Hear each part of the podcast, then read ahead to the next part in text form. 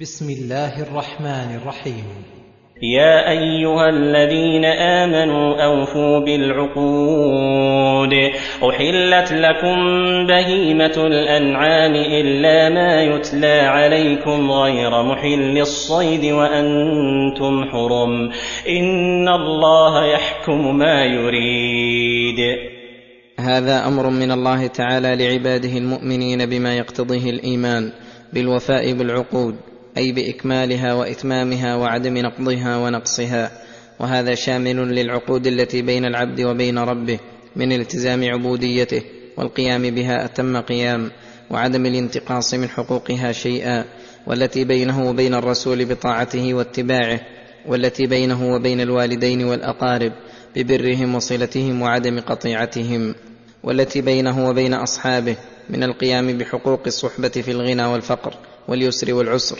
والتي بينه وبين الخلق من عقود المعاملات كالبيع والإجارة ونحوهما وعقود التبرعات كالهبة ونحوها بل والقيام بحقوق المسلمين التي عقدها الله بينهم في قوله إنما المؤمنون إخوة بالتناصر على الحق والتعاون عليه والتآلف بين المسلمين وعدم التقاطع. فهذا الأمر شامل لأصول الدين وفروعه فكلها داخلة في العقود التي أمر الله بالقيام بها. ثم قال ممتنا على عباده.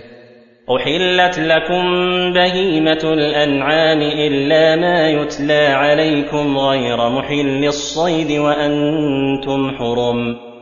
احلت لكم أي لاجلكم رحمه بكم بهيمه الانعام من الابل والبقر والغنم. بل ربما دخل في ذلك الوحشي منها والظباء وحمر الوحش ونحوها من الصيود. واستدل بعض الصحابة بهذه الآية على إباحة الجنين الذي يموت في بطن أمه بعدما تذبح إلا ما يتلى عليكم تحريمه منها. في قوله حرمت عليكم الميتة والدم ولحم الخنزير إلى آخر الآية. فإن هذه المذكورات وإن كانت من بهيمة الأنعام فإنها محرمة.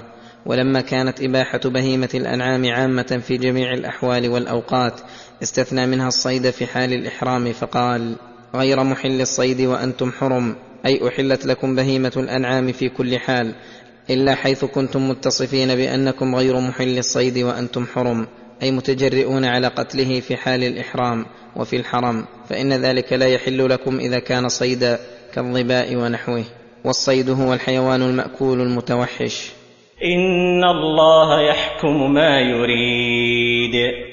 أي فمهما أراده تعالى حكم به حكما موافقا لحكمته كما أمركم بالوفاء بالعقود لحصول مصالحكم ودفع المضار عنكم وأحل لكم بهيمة الأنعام رحمة بكم وحرم عليكم ما استثنى منها من ذوات العوارض من الميتة ونحوها صونا لكم واحتراما ومن صيد الإحرام احتراما للإحرام وإعظاما. يا أيها الذين آمنوا لا تحلوا شعائر الله ولا الشهر الحرام ولا الهدي ولا القلائد ولا آمين ولا امين البيت الحرام يبتغون فضلا من ربهم ورضوانا.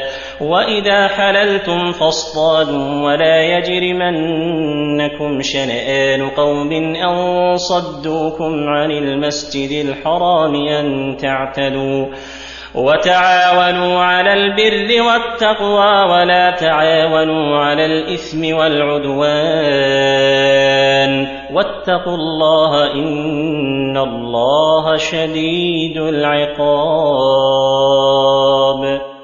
يقول تعالى يا أيها الذين آمنوا لا تحلوا شعائر الله أي محرماته التي أمركم بتعظيمها وعدم فعلها والنهي يشمل النهي عن فعلها والنهي عن اعتقاد حلها فهو يشمل النهي عن فعل القبيح وعن اعتقاده ويدخل في ذلك النهي عن محرمات الإحرام ومحرمات الحرم ويدخل في ذلك ما نص عليه بقوله ولا الشهر الحرام أي لا تنتهكوه بالقتال فيه وغيره من أنواع الظلم كما قال تعالى إن عدة الشهور عند الله اثنا عشر شهرا في كتاب الله يوم خلق السماوات والأرض منها أربعة حرم ذلك الدين القيم فلا تظلموا فيهن أنفسكم والجمهور من العلماء على أن القتال في الأشهر الحرم منسوخ بقوله تعالى فإذا انسلخ الأشهر الحرم فاقتلوا المشركين حيث وجدتموهم وغير ذلك من العمومات التي فيها الأمر بقتال الكفار مطلقا والوعيد في التخلف عن قتالهم مطلقا وبأن النبي صلى الله عليه وسلم قاتل أهل الطائف في ذي القعدة وهو من الأشهر الحرم وقال آخرون إن النهي عن القتال في الأشهر الحرم غير منسوخ لهذه الآية وغيرها مما فيه النهي عن ذلك بخصوصه وحملوا النصوص المطلقة الواردة على ذلك وقالوا المطلق يحمل على المقيد. وفصل بعضهم فقال لا يجوز ابتداء القتال في الأشهر الحرم وأما استدامته وتكميله إذا كان أوله في غيرها فإنه يجوز. وحملوا قتال النبي صلى الله عليه وسلم لأهل الطائف على ذلك لأن أول قتالهم في حنين في شوال وكل هذا في القتال الذي ليس المقصود منه الدفع.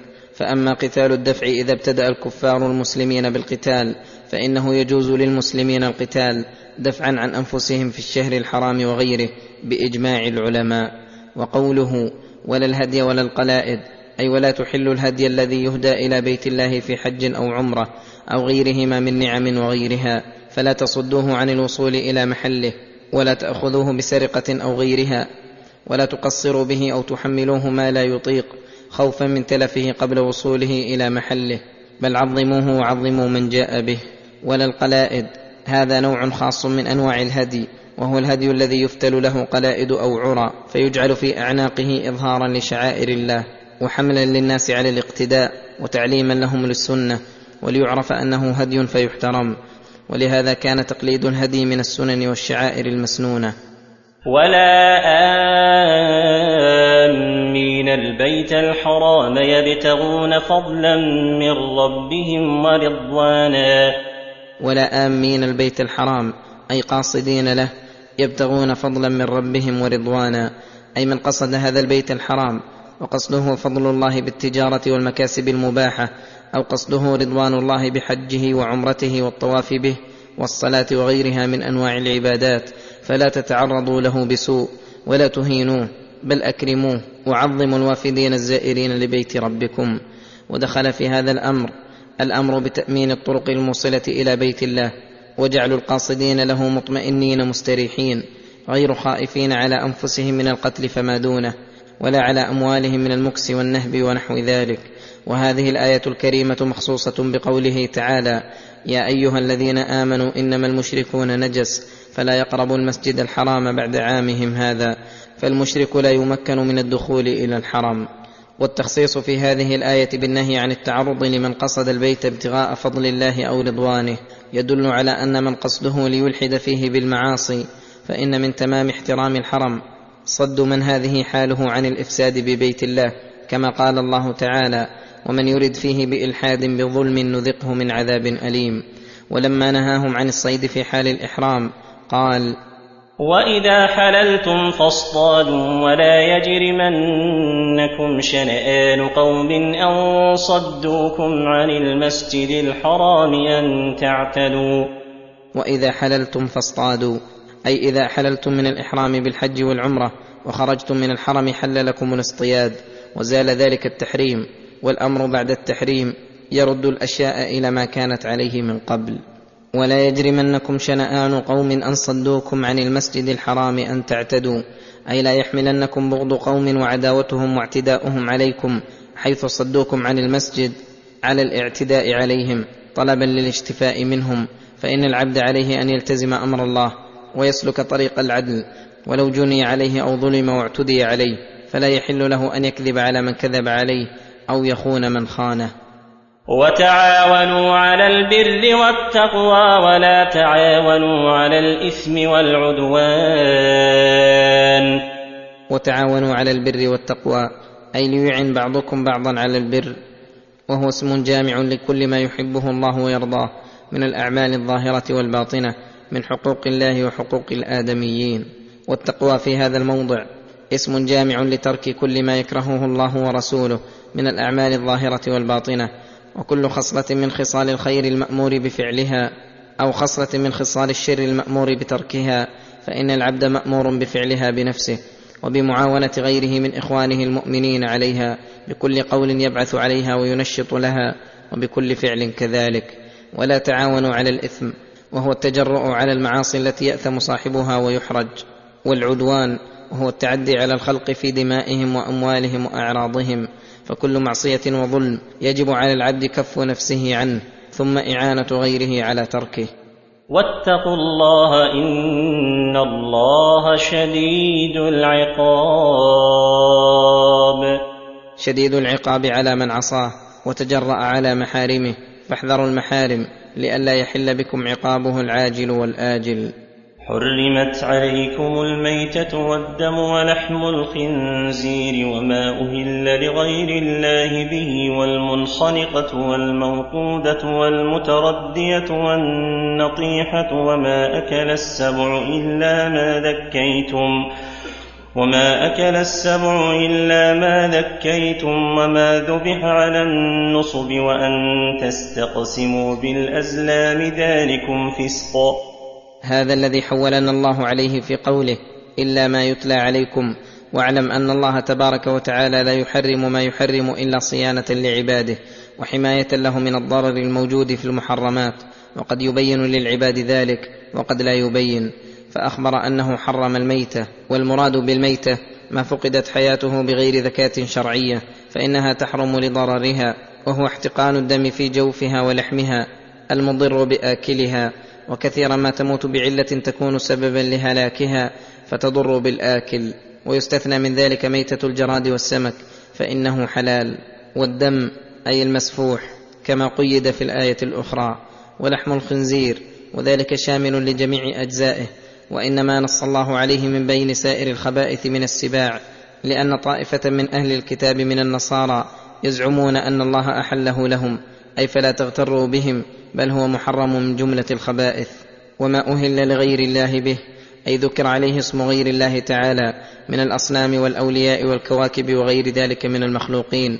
فكما أن ذكر الله تعالى يطيب الذبيحة فذكر اسم غيره عليها يفيدها خبثا معنويا لأنه شرك بالله تعالى والمنخنقة أي الميتة بخنق بيد أو حبل أو إدخالها رأسها بشيء ضيق فتعجز عن إخراجه حتى تموت. والموقوذة أي الميتة بسبب الضرب بعصا أو حصى أو خشبة أو هدم شيء عليها بقصد أو بغير قصد. والمتردية أي الساقطة من علو كجبل أو جدار أو سطح ونحوه فتموت بذلك. والنطيحة وهي التي تنطحها غيرها فتموت. وما أكل السبع من ذئب أو أسد أو نمر أو من الطيور التي تفترس الصيود فإنها إذا ماتت بسبب أكل السبع فإنها لا تحل. وقوله إلا ما ذكيتم راجع لهذه المسائل من منقنقة وموقوذة ومتردية ونطيحة وأكيلة سبع إذا ذكيت وفيها حياة مستقرة لتتحقق الذكاة فيها. ولهذا قال الفقهاء لو أبان السبع أو غيره حشوتها أو قطع حلقومها كان وجود حياتها كعدمه لعدم فائدة الذكاة فيها. وبعضهم لم يعتبر فيها إلا وجود الحياة فإذا ذكاها وفيها حياة حلت ولو كانت مبانة الحشوة وهو ظاهر الآية الكريمة. وأن تستقسموا بالأزلام أي وحرم عليكم الاستقسام بالأزلام ومعنى الاستقسام طلب ما يقسم لكم ويقدر بها وهي قداح ثلاثة كانت تستعمل في الجاهلية مكتوب على أحدها افعل وعلى الثاني لا تفعل والثالث غفل لا كتابة فيها. فإذا هم أحدهم بسفر أو عرس أو نحوهما أجال تلك القداح المتساوية في الجرم. ثم أخرج واحدا منها فإن خرج المكتوب عليه افعل مضى في أمره وإن ظهر المكتوب عليه لا تفعل لم يفعل ولم يمض في شأنه وإن ظهر الآخر الذي لا شيء عليه أعادها حتى يخرج أحد القدحين فيعمل به. فحرمه الله عليهم الذي في هذه الصورة وما يشبهه وعوضهم عنه بالاستخارة لربهم في جميع أمورهم. ذلكم فسق الإشارة لكل ما تقدم من المحرمات التي حرمها الله صيانة لعباده وأنها فسق أي خروج عن طاعته إلى طاعة الشيطان ثم امتن على عباده بقوله اليوم يئس الذين كفروا من دينكم فلا تخشوهم واخشون. اليوم أكملت لكم دينكم وأتممت عليكم نعمتي ورضيت لكم الإسلام دينا. فمن اضطر في مخمصة غير متجانف لإثم فإن الله غفور رحيم. واليوم المشار إليه يوم عرفة إذ أتم الله دينه ونصر عبده ورسوله وانخذل أهل الشرك انخذالا بليغا بعدما كانوا حريصين على رد المؤمنين عن دينهم طامعين في ذلك.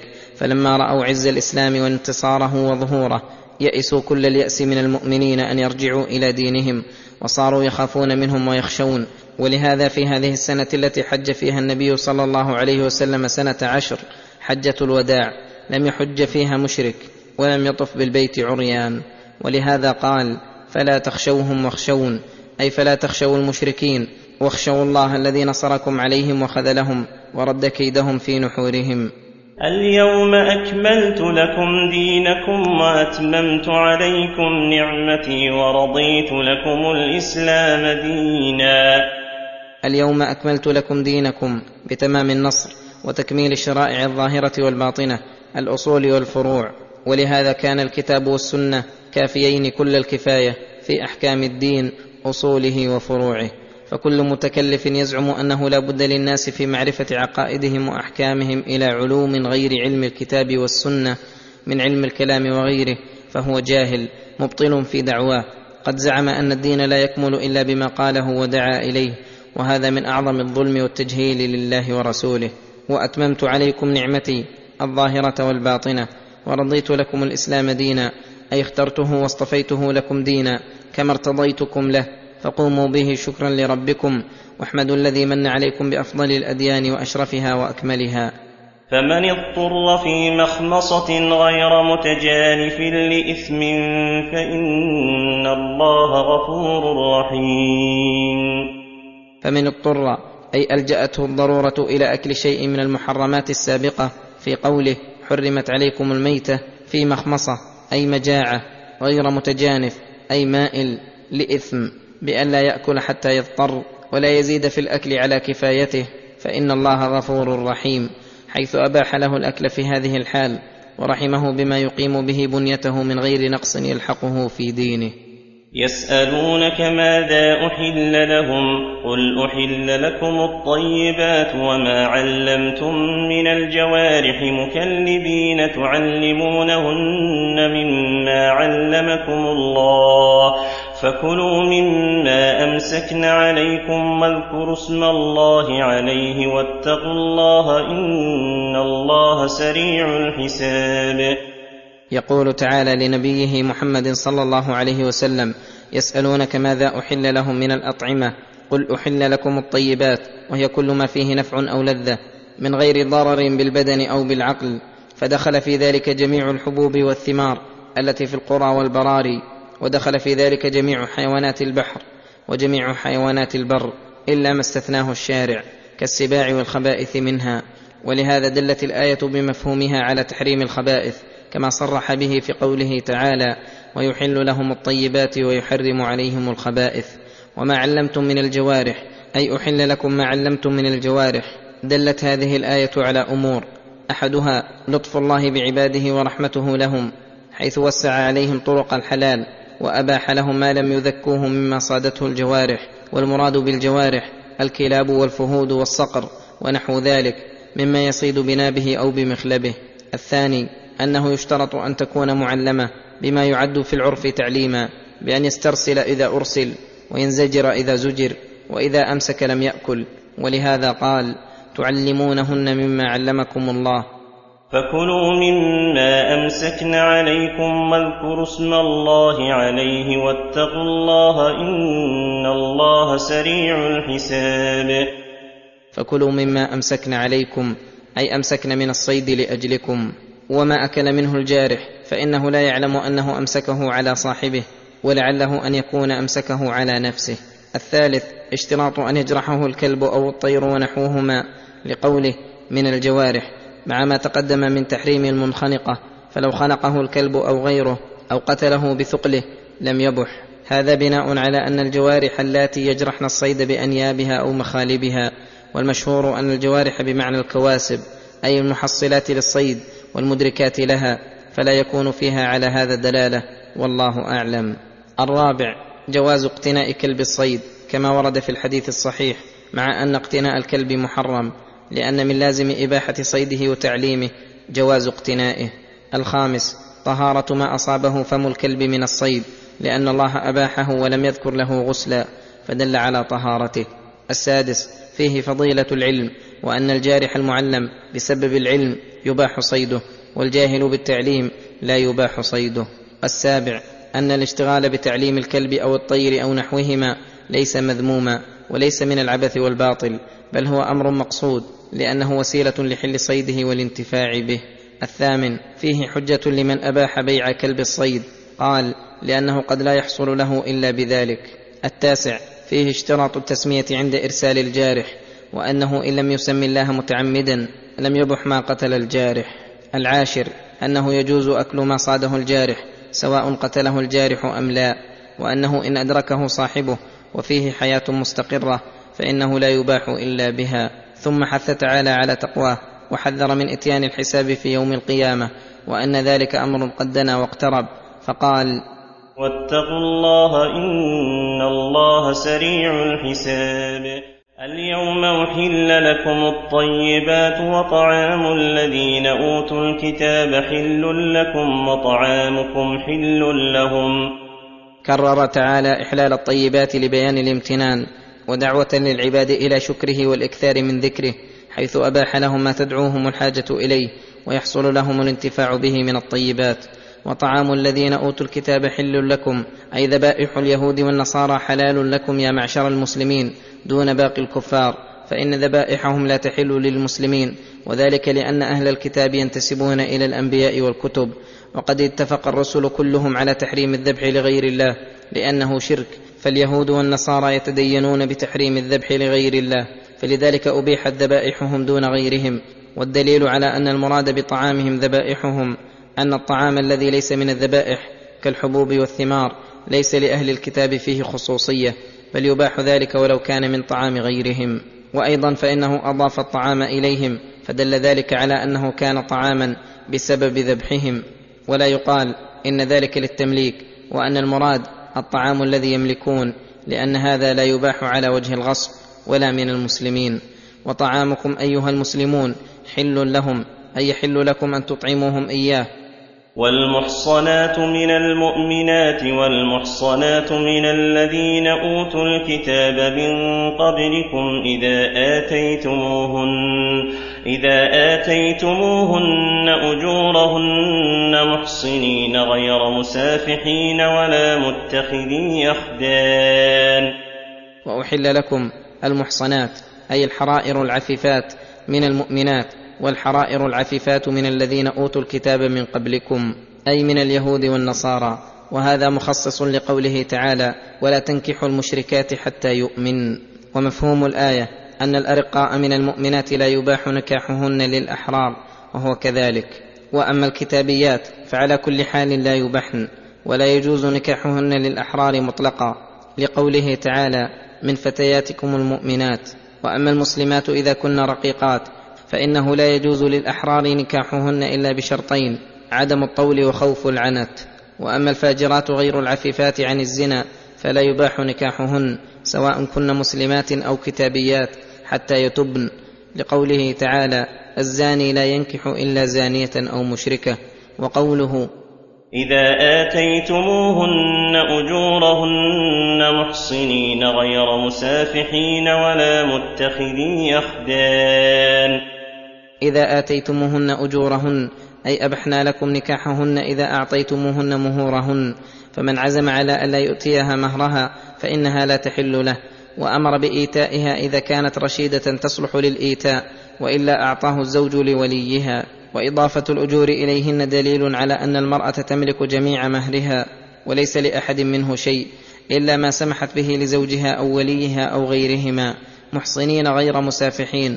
أي حالة كونكم أيها الأزواج محصنين لنسائكم بسبب حفظكم لفروجكم عن غيرهن غير مسافحين أي زانين مع كل أحد ولا متخذي أخدان وهو الزنا مع العشيقات لأن الزنا في الجاهلية منهم من يزني مع من كان فهذا المسافح ومنهم من يزني مع خدنه ومحبه فأخبر الله تعالى أن ذلك كله ينافي العفة وأن شرط التزوج أن يكون الرجل عفيفا عن الزنا. وقوله تعالى ومن يكفر بالايمان فقد حبط عمله وهو في الاخره من الخاسرين. ومن يكفر بالايمان فقد حبط عمله.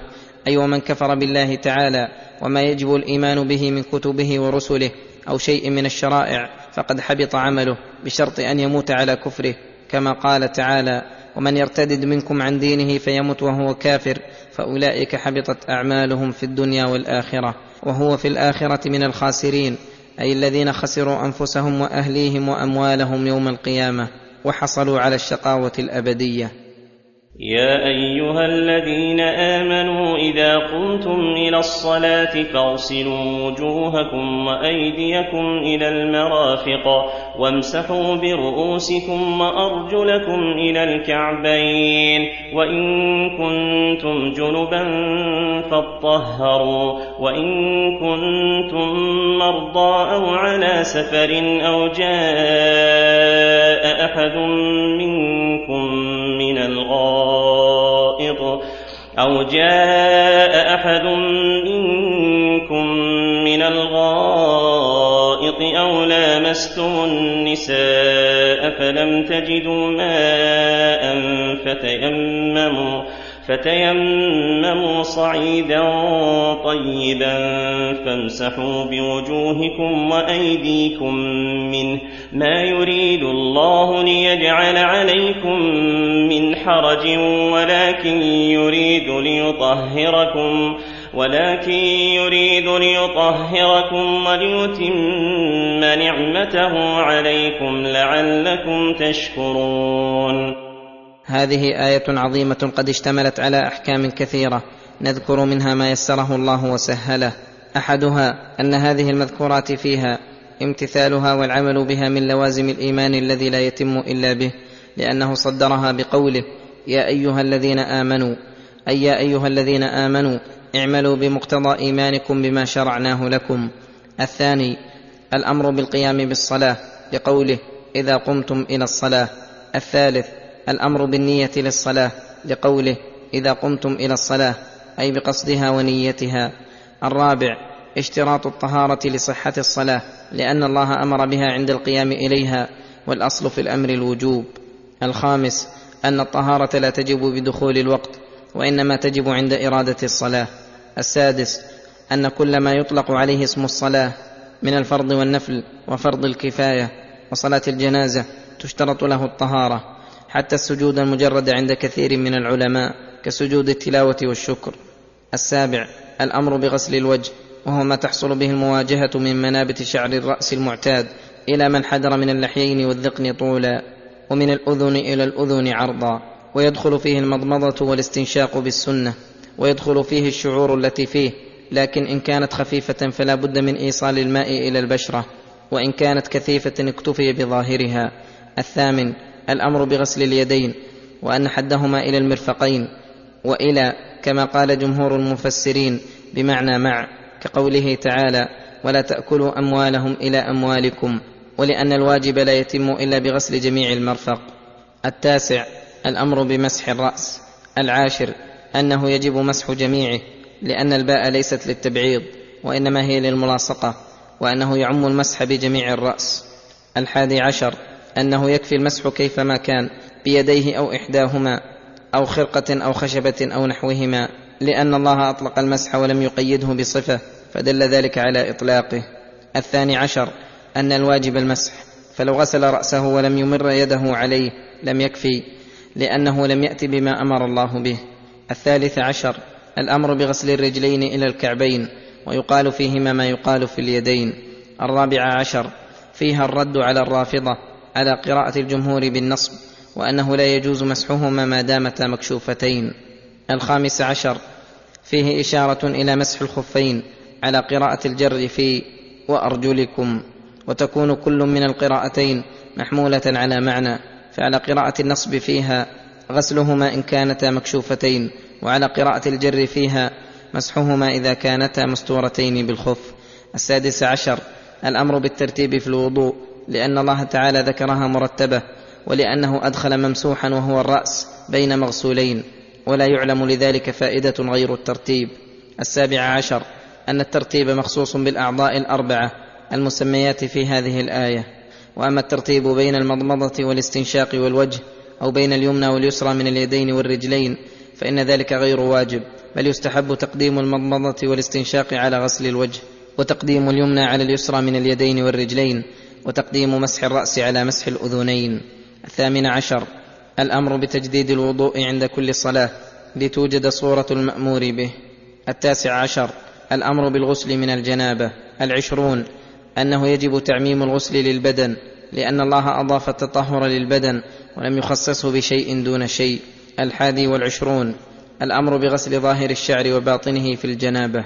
الثاني والعشرون أنه يندرج الحدث الأصغر في الحدث الأكبر. ويكفي من هما عليه أن ينوي ثم يعمم بدنه لأن الله لم يذكر إلا التطهر ولم يذكر أنه يعيد الوضوء. الثالث والعشرون أن الجنب يصدق على من أنزل المني يقظة أو مناما أو جامع ولو لم ينزل. الرابع والعشرون أن من ذكر أنه احتلم ولم يجد بللا فإنه لا غسل عليه لأنه لم تتحقق منه الجنابة. الخامس والعشرون ذكر منة الله تعالى على العباد بمشروعية التيمم. السادس والعشرون أن من أسباب جواز التيمم وجود المرض الذي يضره غسله بالماء فيجوز له التيمم. السابع والعشرون أن من جملة أسباب جوازه السفر والإتيان من البول والغائط إذا عدم الماء. فالمرض يجوز التيمم مع وجود الماء لحصول التضرر به وباقيها يجوزه العدم للماء ولو كان في الحضر. الثامن والعشرون أن الخارج من السبيلين من بول وغائط ينقض الوضوء. التاسع والعشرون. استدل بهذا من قال لا ينقض الوضوء إلا هذان الأمران فلا ينتقض بلمس الفرج ولا بغيره. الثلاثون. استحباب التكنية عما يستقذر التلفظ به لقوله تعالى أو جاء أحد منكم من الغائط. الحادي والثلاثون. أن لمس المرأة بلذة وشهوة ناقض للوضوء. الثاني والثلاثون. اشتراط عدم الماء لصحة التيمم. الثالث والثلاثون أنه مع وجود الماء ولو في الصلاة يبطل التيمم لأن الله إنما أباحه مع عدم الماء. الرابع والثلاثون أنه إذا دخل الوقت وليس معه ماء فإنه يلزمه طلبه في رحله وفيما قرب منه لأنه لا يقال لم يجد لمن لم يطلب. الخامس والثلاثون أن من وجد ماء لا يكفي بعض طهارته فإنه يلزمه استعماله. ثم يتيمم بعد ذلك. السادس والثلاثون أن الماء المتغير بالطاهرات مقدم على التيمم ان يكون طهورا لأن الماء المتغير ماء فيدخل في قوله فلم تجدوا ماء السابع والثلاثون أنه لا بد من نية التيمم لقوله فتيمموا أي اقصدوا. الثامن والثلاثون أنه يكفي التيمم بكل ما تصاعد على وجه الأرض من تراب وغيره فيكون على هذا قوله فامسحوا بوجوهكم وأيديكم منه إما من باب التغليب وأن الغالب أن يكون له غبار يمسح منه ويعلق بالوجه واليدين وإما أن يكون إرشادا للأفضل وأنه إذا أمكن التراب الذي فيه غبار فهو أولى. التاسع والثلاثون أنه لا يصح التيمم بالتراب النجس لأنه لا يكون طيبا بل خبيثا. الأربعون أنه يمسح في التيمم الوجه واليدان فقط دون بقية الأعضاء. الحادي والأربعون أن قوله بوجوهكم شامل لجميع الوجه وأنه يعممه بالمسح إلا أنه معفو عن إدخال التراب في الفم والأنف وفيما تحت الشعور ولو خفيفة. الثاني والأربعون أن اليدين تمسحان إلى الكوعين فقط لأن اليدين عند الإطلاق كذلك. فلو كان يشترط إيصال المسح إلى الذراعين لقيده الله بذلك كما قيده في الوضوء.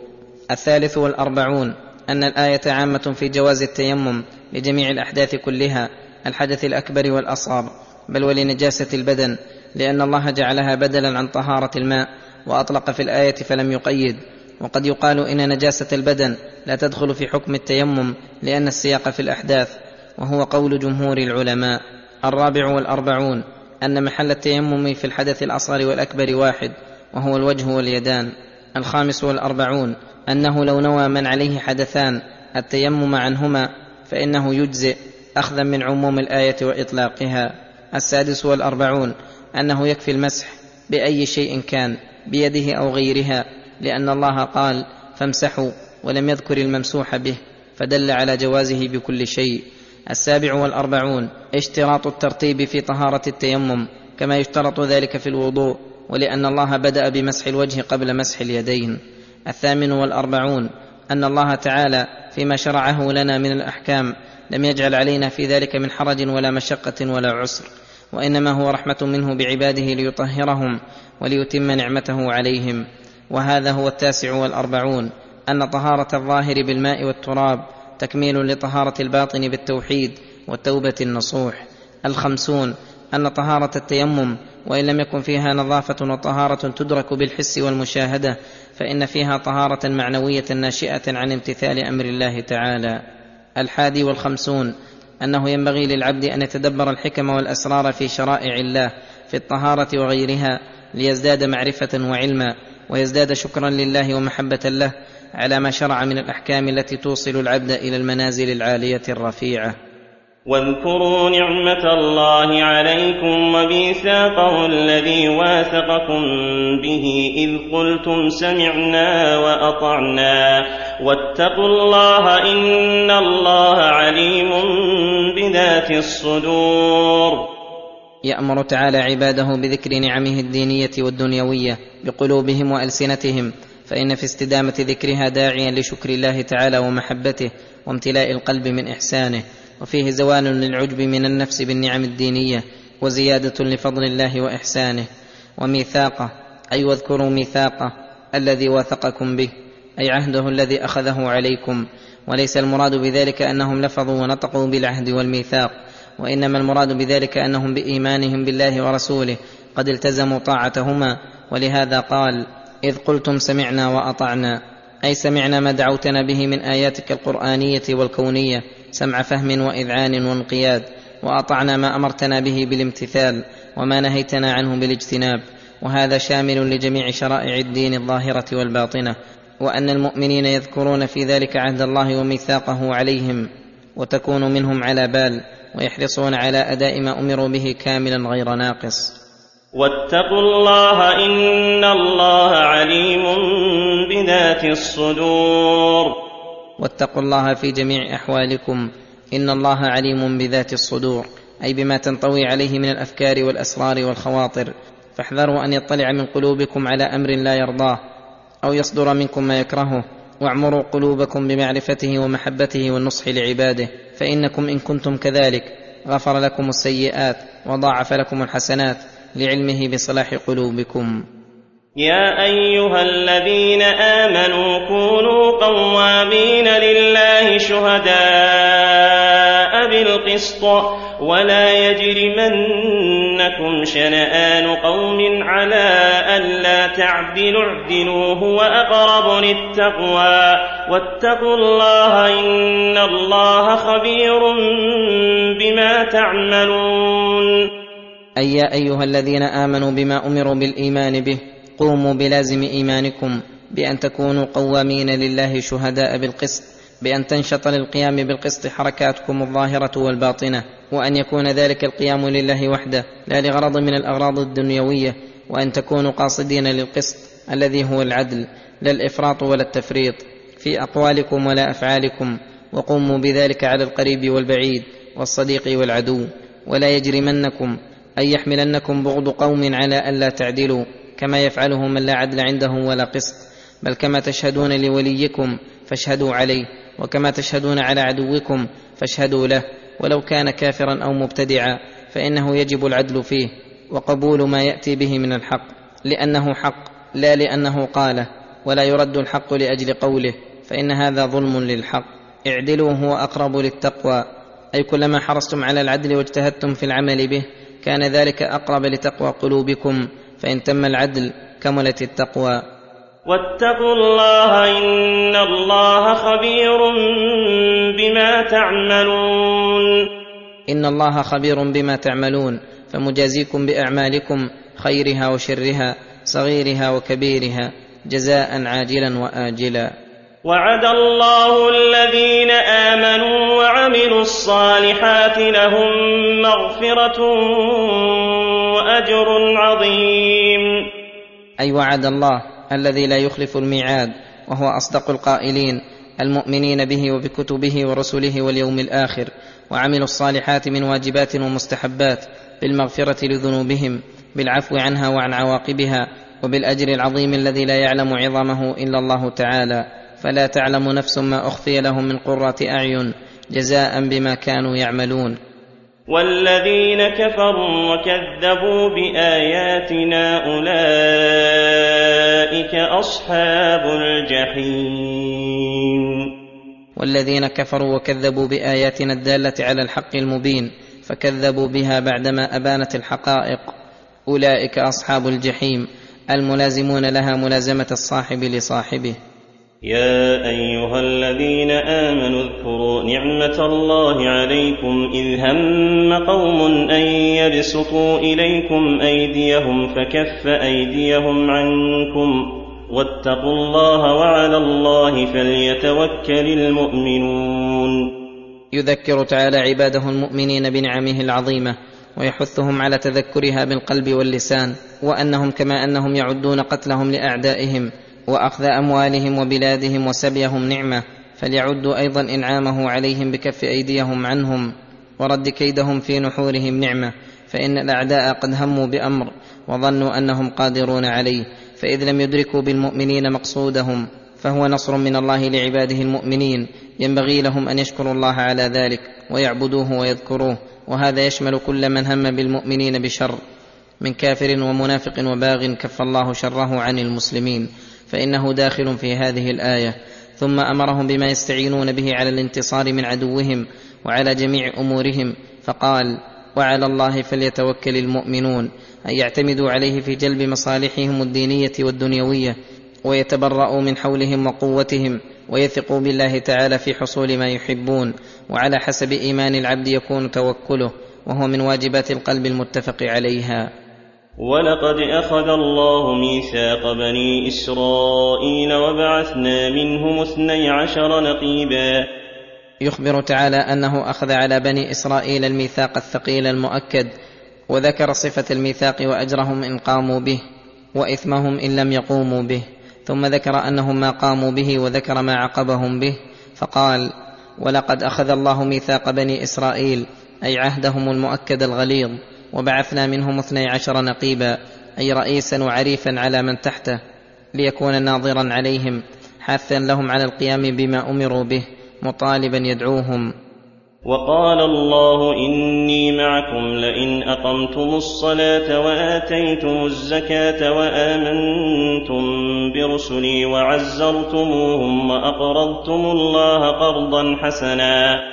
وقال الله للنقباء الذين تحملوا من الأعباء ما تحملوا إني معكم أي بالعون والنصر فإن المعونة بقدر المؤنة. ثم ذكر ما وثقهم عليه فقال لئن أقمتم الصلاة ظاهرا وباطنا بالإتيان بما يلزم وينبغي فيها والمداومة على ذلك وآتيتم الزكاة لمستحقيها وآمنتم برسلي جميعهم الذين أفضلهم وأكملهم محمد صلى الله عليه وسلم وعزرتموهم أي عظمتموهم وأديتم ما يجب لهم من الاحترام والطاعة وأقرضتم الله قرضا حسنا وهو الصدقة والإحسان الصادر عن الصدق والإخلاص وطيب المكسب. فإذا قمتم بذلك لأكفرن عنكم سيئاتكم ولأدخلنكم جنات تجري من تحتها الأنهار.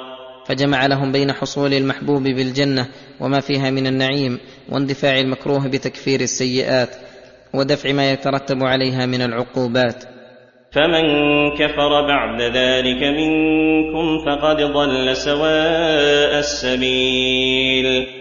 فمن كفر بعد ذلك العهد والميثاق المؤكد بالأيمان والالتزامات المقرون بالترغيب بذكر ثوابه فقد ضل سواء السبيل أي عن عمد وعلم فيستحق ما يستحقه الضالون من حرمان الثواب وحصول العقاب. فكأنه قيل ليت شعري ماذا فعلوا؟ وهل وفوا بما عاهدوا الله عليه أم نكثوا؟ فبين أنهم نقضوا ذلك فقال فبما نقضهم ميثاقهم لعناهم وجعلنا قلوبهم قاسية يحرفون الكلم عن مواضعه ونسوا حظا مما ذكروا به ولا تزال تطلع على خائنة منهم إلا قليلا منهم فاعف عنهم واصفح إن الله يحب المحسنين فبما نقضهم ميثاقهم أي بسببه عاقبناهم بعدة عقوبات. الأولى انا لعناهم أي طردناهم وأبعدناهم من رحمتنا حيث أغلقوا على أنفسهم أبواب الرحمة ولم يقوموا بالعهد الذي أخذ عليهم الذي هو سببها الأعظم. الثانية قوله وجعلنا قلوبهم قاسية أي غليظة لا تجدي فيها المواعظ ولا تنفعها الآيات والنذر فلا يرغبهم تشويق ولا يزعجهم تخويف. وهذا من أعظم العقوبات على العبد أن يكون قلبه بهذه الصفة التي لا يفيده الهدى والخير إلا شرا. الثالثة أنهم يحرفون الكلم عن مواضعه أي يبتلوا بالتغيير والتبديل فيجعلون للكلم الذي أراد الله معنى غير ما أراده الله ولا رسوله. الرابعة أنهم نسوا حظا مما ذكروا به فإنهم ذكروا بالتوراة وبما أنزل الله على موسى فنسوا حظا منه وهذا شامل لنسيان علمه وأنهم نسوه وضاع منهم ولم يوجد كثير مما أنساهم الله إياه عقوبة منه لهم وشامل لنسيان العمل الذي هو الترك فلم يوفقوا للقيام بما أمروا به ويستدل بهذا على أن أهل الكتاب بإنكارهم بعض الذي قد ذكر في كتابهم أو وقع في زمانهم أنه مما نسوه الخامسة الخيانة المستمرة التي لا تزال تطلع على خائنة منهم أي خيانة لله ولعباده المؤمنين ومن أعظم الخيانة منهم كتمهم عمن يعظهم ويحسن فيهم الظن الحق وإبقاؤهم على كفرهم فهذه خيانة عظيمة وهذه الخصال الذميمة حاصلة لكل من اتصف بصفاتهم فكل من لم يقم بما أمر الله به وأخذ به عليه الالتزام كان له نصيب من اللعنة وقسوة القلب والابتلاء بتحريف الكلم وأنه لا يوفق للصواب ونسيان حظ مما ذكر به وأنه لا بد أن يبتلى بالخيانة. نسأل الله العافية. وسمى الله تعالى ما ذكروا به حظا لأنه هو أعظم الحظوظ وما عداه فإنما هي حظوظ دنيوية. كما قال تعالى فخرج على قومه في زينته. قال الذين يريدون الحياة الدنيا يا ليت لنا مثل ما أوتي قارون. إنه لذو حظ عظيم. وقال في الحظ النافع وما يلقاها إلا الذين صبروا وما يلقاها إلا ذو حظ عظيم. وقوله إلا قليلا منهم. أي فإنهم وفوا بما عاهدوا الله عليه فوفقهم وهداهم للصراط المستقيم. فاعف عنهم واصفح إن الله يحب المحسنين. فاعف عنهم واصفح أي لا تؤاخذهم بما يصدر منهم من الأذى الذي يقتضي أن يعفى عنهم. واصفح فإن ذلك من الإحسان. إن الله يحب المحسنين. والإحسان هو أن تعبد الله كأنك تراه فإن لم تكن تراه فإنه يراك. وفي حق المخلوقين بذل النفع الديني والدنيوي لهم. ومن الذين قالوا إنا نصارى أخذنا ميثاقهم فنسوا حظا مما ذكروا به فأغرينا فأغرينا بينهم العداوة والبغضاء إلى يوم القيامة وسوف ينبئهم الله بما كانوا يصنعون. أي وكما أخذنا على اليهود العهد والميثاق فكذلك أخذنا على الذين قالوا إنا نصارى لعيسى ابن مريم وزكوا أنفسهم بالإيمان بالله ورسله وما جاءوا به فنقضوا العهد فنسوا حظا مما ذكروا به نسيانا علميا ونسيانا عمليا فأغرينا بينهم العداوة والبغضاء إلى يوم القيامة أي سلطنا بعضهم على بعض وصار بينهم من الشرور والاحن ما يقتضي بغض بعضهم بعضا ومعاداة بعضهم بعضا إلى يوم القيامة وهذا أمر مشاهد فإن النصارى لا يزالون في بغض وعداوة وشقاق. وسوف ينبئهم الله بما كانوا يصنعون. فيعاقبهم عليه. يا أهل الكتاب قد جاءكم رسولنا يبين لكم كثيرا مما كنتم تخفون من الكتاب ويعفو عن كثير. قد جاءكم من الله نور وكتاب مبين. لما ذكر تعالى ما أخذه الله على أهل الكتاب من اليهود والنصارى وأنهم نقضوا ذلك إلا قليلا منهم أمرهم جميعا أن يؤمنوا بمحمد صلى الله عليه وسلم واحتج عليهم بآية قاطعة دالة على صحة نبوته وهي أنه بين لهم كثيرا مما يخفون عن الناس حتى عن العوام من أهل ملتهم فإذا كانوا هم المشار إليهم في العلم ولا علم عند أحد في ذلك الوقت إلا ما عندهم فالحريص على العلم لا سبيل له إلى إدراكه إلا منهم. فإتيان الرسول صلى الله عليه وسلم بهذا القرآن العظيم الذي بين به ما كانوا يتكاتمونه بينهم وهو أمي لا يقرأ ولا يكتب من أدل الدلائل على القطع برسالته. وذلك مثل صفة محمد في كتبهم ووجود البشائر به في كتبهم وبيان آية الرجم ونحو ذلك. ويعفو عن كثير ان يترك بيان ما لا تقتضيه الحكمة. قد جاءكم من الله نور وكتاب مبين. قد جاءكم من الله نور وهو القرآن يستضاء به في ظلمات الجهالة وعماية الضلالة وكتاب مبين لكل ما يحتاج إليه الخلق من أمور دينهم ودنياهم من العلم بالله وأسمائه وصفاته وأفعاله ومن العلم بأحكامه الشرعية وأحكامه الجزائية. ثم ذكر من الذي يهتدي بهذا القرآن وما هو السبب الذي من العبد لحصول ذلك؟ فقال يهدي به الله من اتبع رضوانه سبل السلام ويخرجهم من الظلمات إلى النور بإذنه ويهديهم إلى صراط مستقيم. يهدي به الله من اتبع رضوانه سبل السلام أي يهدي به من اجتهد وحرص على بلوغ مرضاه الله وصار قصده حسنا سبل السلام التي تسلم صاحبها من العذاب. وتوصله إلى دار السلام وهو العلم بالحق والعمل به اجمالا وتفصيلا ويخرجهم من ظلمات الكفر والبدعة والمعصية والجهل والغفلة إلى نور الإيمان والسنة والطاعة والعلم والذكر. وكل هذه الهداية بإذن الله الذي ما شاء كان وما لم يشأ لم يكن ويهديهم إلى صراط مستقيم. لقد كفر الذين قالوا إن الله هو المسيح ابن مريم. قل فمن يملك من الله شيئا إن أراد أن يهلك المسيح ابن مريم وأمه ومن في الأرض جميعا. ولله ملك السماوات والأرض وما بينهما يخلق ما يشاء. والله على كل شيء قدير.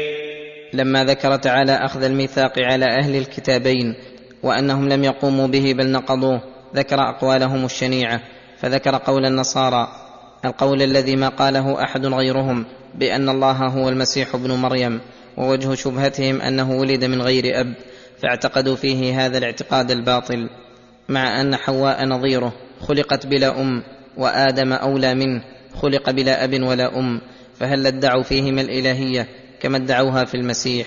فدل على أن قولهم اتباع هوى من غير برهان ولا شبهة فرد الله عليهم بأدلة عقلية واضحة فقال قل فمن يملك من الله شيئا إن أراد أن يهلك المسيح ابن مريم وأمه ومن في الأرض جميعا.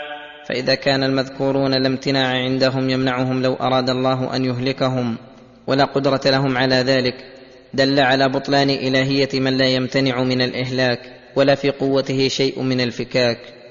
ولله ملك السماوات والأرض وما بينهما يخلق ما يشاء. ومن الأدلة أن لله وحده ملك السماوات والأرض يتصرف فيهم بحكمه الكوني والشرعي والجزائي وهم مملوكون مدبرون. فهل يليق أن يكون المملوك العبد الفقير الها معبودا غنيا من كل وجه؟ هذا من أعظم المحال. ولا وجه لاستغرابهم لخلق المسيح عيسى ابن مريم من غير أب. فإن الله يخلق ما يشاء إن شاء من أب وأم كسائر بني آدم وإن شاء من أب بلا أم كحواء وإن شاء من أم بلا أب كعيسى. وإن شاء من غير أب ولا أم كآدم. فنوع خليقته تعالى بمشيئته النافذة التي لا يستعصي عليها شيء. ولهذا قال والله على كل شيء قدير. ومن مقالات اليهود والنصارى أن كل منهما ادعى دعوى باطلة يزكون بها أنفسهم بأن قال كل منهما وقالت اليهود والنصارى نحن أبناء الله وأحباؤه. قل فلم يعذبكم بذنوبكم بل أنتم بشر ممن خلق. يغفر لمن يشاء ويعذب من يشاء. ولله ملك السماوات والأرض وما بينهما وإليه المصير. بأن قال كل منهما نحن أبناء الله وأحباؤه والابن في لغتهم هو الحبيب ولم يريدوا البنوة الحقيقية فإن هذا ليس من مذهبهم إلا مذهب النصارى في المسيح.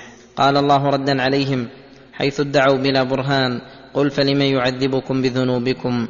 فلو كنتم أحبابه ما عذبكم لكون الله لا يحب إلا من قام بمراضيه. بل أنتم بشر ممن خلق. تجري عليكم أحكام العدل والفضل. يغفر لمن يشاء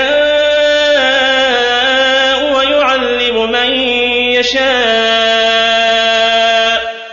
إذا أتوا بأسباب المغفرة أو أسباب العذاب. ولله ملك السماوات والأرض وما بينهما وإليه المصير. أي فأي شيء خصكم بهذه الفضيلة وأنتم من جملة المماليك ومن جملة من يرجع إلى الله في الدار الآخرة فيجازيكم بأعمالكم. يا أهل الكتاب قد جاءكم رسولنا يبين لكم على فترة يبين لكم على فترة من الرسل أن تقولوا ما جاءنا من بشير ولا نذير. فقد جاءكم بشير ونذير والله على كل شيء قدير. يدعو تبارك وتعالى أهل الكتاب بسبب ما من عليه من كتابه أن يؤمنوا برسوله محمد صلى الله عليه وسلم ويشكر الله تعالى الذي أرسله إليهم على حين فترة من الرسل وشدة حاجة إليه وهذا مما يدعو إلى الإيمان به وأنه يبين لهم جميع المطالب الإلهية والأحكام الشرعية وقد قطع الله بذلك حجتهم لئلا يقولوا ما جاءنا من بشير ولا نذير. فقد جاءكم بشير ونذير والله على كل شيء قدير. فقد جاءكم بشير ونذير يبشر بالثواب العاجل والآجل وبالأعمال الموجبة لذلك وصفة العاملين بها وينذر بالعقاب العاجل والآجل وبالأعمال الموجبة لذلك وصفة العاملين بها. والله على كل شيء قدير. إن قادت الأشياء طوعا واذعانا لقدرته فلا يستعصي عليه شيء منها. ومن قدرته أنه أرسل الرسل وأنزل الكتب وأنه يثيب من أطاعهم ويعاقب من عصاهم. وإذ قال موسى لقومه يا قوم اذكروا نعمة الله عليكم إذ جعل فيكم أنبياء وجعلكم ملوكا وآتاكم ما لم يؤت أحدا من العالمين لما امتن الله على موسى وقومه بنجاتهم من فرعون وقومه واسرهم واستعبادهم ذهبوا قاصدين لاوطانهم ومساكنهم وهي بيت المقدس وما حواليه وقاربوا وصول بيت المقدس وكان الله قد فرض عليهم جهاد عدوهم ليخرجوه من ديارهم فوعظهم موسى عليه السلام وذكرهم ليقدموا على الجهاد فقال لهم اذكروا نعمة الله عليكم بقلوبكم وألسنتكم فإن ذكرها داع إلى محبته تعالى ومنشط على العبادة إذ جعل فيكم أنبياء يدعونكم إلى الهدى ويحذرونكم من الردى ويحثونكم على سعادتكم الأبدية ويعلمونكم ما لم تكونوا تعلمون وجعلكم ملوكا تملكون أمركم بحيث إنه زال عنكم استعباد عدوكم لكم فكنتم تملكون أمركم وتتمكنون من إقامة دينكم وآتاكم من النعم الدينية والدنيوية ما لم يؤت احدا من العالمين فإنهم في ذلك الزمان خيرة الخلق وأكرمهم على الله تعالى وقد أنعم عليهم بنعم ما كانت لغيرهم فذكرهم بالنعم الدينية والدنيوية الداعيه ذلك لإيمانهم وثباته وثباتهم على الجهاد وإقدامهم عليه ولهذا قال يا قوم ادخلوا الأرض المقدسة التي كتب الله لكم ولا ترتدوا على أدباركم فتنقلبوا خاسرين. يا قوم ادخلوا الأرض المقدسة أي المطهرة التي كتب الله لكم فأخبرهم خبرا تطمئن به أنفسهم إن كانوا مؤمنين مصدقين بخبر الله وأنه قد كتب الله لهم دخولها وانتصارهم على عدوهم. ولا ترتدوا أي ترجعوا على أدباركم فتنقلبوا خاسرين. قد خسرتم دنياكم بما فاتكم من النصر على الأعداء وفتح بلادكم وآخرتكم بما فاتكم من الثواب وما استحققتم بمعصيتكم من العقاب. فقالوا قولا يدل على ضعف قلوبهم وخور نفوسهم وعدم اهتمامهم بأمر الله ورسوله. قالوا يا موسى إن فيها قوما جبارين. شديدي القوة والشجاعة أي فهذا من الموانع لنا من دخولها. وإنا لن ندخلها حتى يخرجوا منها فإن يخرجوا منها فإنا داخلون. وهذا من الجبن وقلة اليقين وإلا فلو كان معهم رشدهم لعلموا أنهم كلهم من بني آدم وأن القوي من أعانه الله بقوة من عنده فإنه لا حول ولا قوة إلا بالله ولعلموا أنهم سينصرون عليهم إذ وعدهم الله بذلك وعدا خاصا. قال رجلان من الذين يخافون أنعم الله عليهم ادخلوا عليهم الباب فإذا دخلتموه فإنكم غالبون وعلى الله فتوكلوا إن كنتم مؤمنين. قال رجلان من الذين يخافون الله تعالى مشجعين لقومهم منهضين لهم على قتال عدوهم واحتلال بلادهم. أنعم الله عليهما بالتوفيق. وكلمة الحق في هذا الموطن المحتاج إلى مثل كلامهم وأنعم عليهم بالصبر واليقين. ادخلوا عليهم الباب. فإذا دخلتموه فإنكم غالبون. أي ليس بينكم وبين نصركم عليهم إلا أن تجزموا عليهم وتدخلوا عليهم الباب. فإذا دخلتموه عليهم فإنهم سيهزمون. ثم أمرهم بعدة هي أقوى العدد. فقالا وعلى الله فتوكلوا إن كنتم مؤمنين. فإن في التوكل على الله خصوصا في هذا الموطن تيسيرا للأمر ونصرا على الأعداء. ودل هذا على وجوب التوكل وعلى أنه بحسب إيمان العبد يكون توكله. فلم ينجع فيهم هذا الكلام ولا نفع فيهم الملام فقالوا قول الأذلين. قالوا يا موسى إنا لن ندخلها ابدا ما داموا فيها فاذهب أنت وربك فقاتلا إنا هاهنا قاعدون فما أشنع هذا الكلام منهم ومواجهتهم لنبيهم فيه في هذا المقام الحرج الضيق الذي قد دعت الحاجة والضرورة إلى نصرة نبيهم وإعزاز أنفسهم.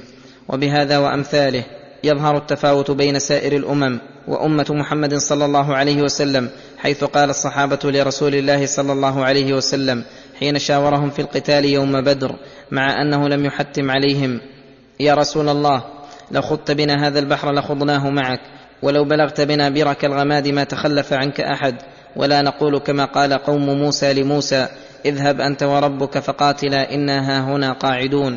ولكن اذهب أنت وربك فقاتلا إنا معكما مقاتلون. من بين يديك ومن خلفك وعن يمينك وعن يسارك. فلما رأى موسى عليه السلام عتوهم عليه قال رب إني لا أملك إلا نفسي وأخي فافرق بيننا وبين القوم الفاسقين. قال رب إني لا أملك إلا نفسي وأخي. أي فلا يدان لنا بقتالهم ولست بجبار على هؤلاء. فافرق بيننا وبين القوم الفاسقين. اي احكم بيننا وبينهم بأن تنزل فيه من العقوبة ما اقتضته حكمتك ودل ذلك على أن قولهم وفعلهم من الكبائر العظيمة الموجبة للفسق.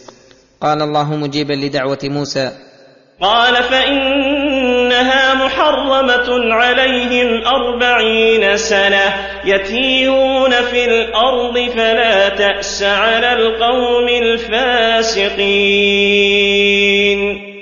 فإنها محرمة عليهم أربعين سنة يتيهون في الأرض.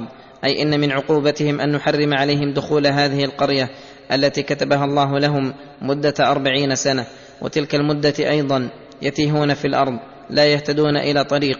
ولا يبقون مطمئنين وهذه عقوبة دنيوية لعل الله تعالى كفر بها عنهم ودفع عنهم عقوبة أعظم منها. وفي هذا دليل على أن العقوبة على الذنب قد تكون بزوال نعمة موجودة أو دفع نقمة قد انعقد سبب وجودها أو تأخرها إلى وقت آخر. ولعل الحكمة في هذه المدة أن يموت أكثر هؤلاء الذين قالوا هذه المقالة الصادرة عن قلوب لا صبر فيها ولا ثبات. بل قد ألفت الاستعباد لعدوها ولم تكن لها همم ترقيها إلى ما فيه ارتقاؤها وعلوها. ولتظهر ناشئة جديدة تتربى عقولهم على طلب قهر الأعداء وعدم الاستعباد والذل المانع من السعادة. ولما علم الله تعالى أن عبده موسى في غاية الرحمة على الخلق خصوصا قومه وأنه ربما رق لهم واحتملته الشفقة على الحزن عليهم في هذه العقوبة أو الدعاء لهم بزوالها مع أن الله قد حتمها. قال فلا تأس على القوم الفاسقين. أي لا تأسف عليهم ولا تحزن فإنهم قد فسقوا وفسقهم اقتضى وقوع ما نزل بهم. لا ظلما منا. واتل عليهم نبأ ابني آدم بالحق إذ قربا قربانا فتقبل من أحدهما ولم يتقبل من الآخر قال لأقتلنك قال إنما يتقبل الله من المتقين واتل عليهم نبأ ابني آدم بالحق أي قص على الناس وأخبرهم بالقضية التي جرت على ابني آدم بالحق. تلاوة يعتبر بها المعتبرون صدقا لا كذبا وجدا لا لعبا. والظاهر أن ابني آدم هما أبناء لصلبه كما يدل عليه ظاهر الآية والسياق وهو قول جمهور المفسرين. اي يتلو عليهم نبأهما في حال تقريبهما للقربان الذي أداهما إلى الحال المذكورة إذ قربا قربانا أي أخرج كل منهما شيئا من ماله لقصد التقرب إلى الله فتقبل من أحدهما ولم يتقبل من الآخر. بأن علم ذلك بخبر من السماء أو بالعادة السابقة في الأمم أن علامة تقبل الله للقربان أن تنزل نار من السماء فتحرقه. قال الابن الذي لم يتقبل منه للآخر حسدا وبغيا لأقتلنك. فقال له الآخر مترفقا له في ذلك إنما يتقبل الله من المتقين فأي ذنب لي وجناية توجب لك أن تقتلني؟ إلا أني اتقيت الله تعالى الذي تقواه واجبة علي وعليك. وعلى كل أحد وأصح الأقوال في تفسير المتقين هنا أي المتقين لله في ذلك العمل بأن يكون عملهم خالصا لوجه الله متبعين فيه لسنة رسول الله صلى الله عليه وسلم. ثم قال له مخبرا أنه لا يريد أن يتعرض لقتله لا ابتداء ولا مدافعة. فقال لئن بسطت إلي يدك لتقتلني ما أنا بباسط يدي إليك لأقتلك إني أخاف الله رب العالمين. لئن بسطت إلي يدك لتقتلني ما أنا بباسط يدي إليك لأقتلك وليس ذلك جبنا مني ولا عجزا وإنما ذلك لأني أخاف الله رب العالمين والخائف لله لا يقدم على الذنوب خصوصا الذنوب الكبار. وفي هذا تخويف لمن يريد القتل وأنه ينبغي لك أن تتقي الله وتخافه. إني أريد أن تبوء بإثمي وإثمك فتكون من أصحاب النار وذلك جزاء الظالمين.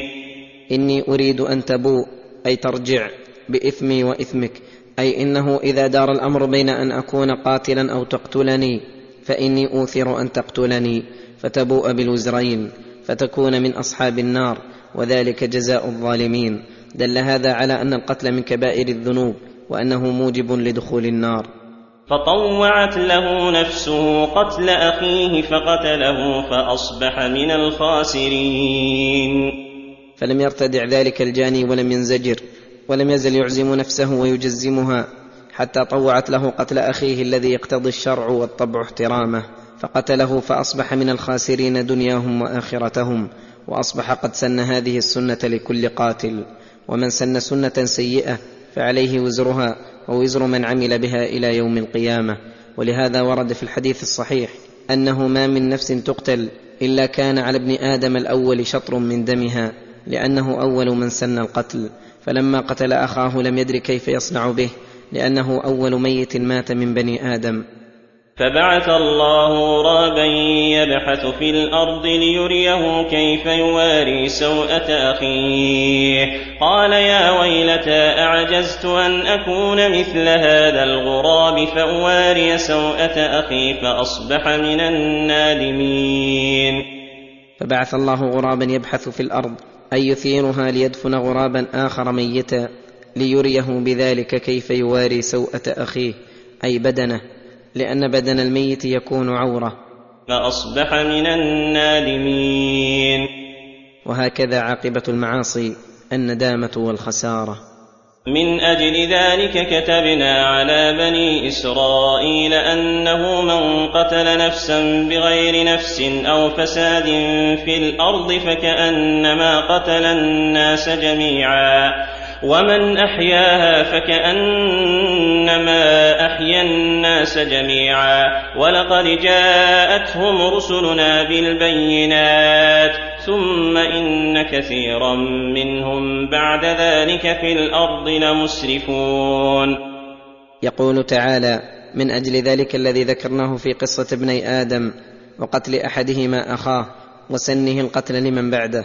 وأن القتل عاقبته وخيمة وخسارة في الدنيا والآخرة.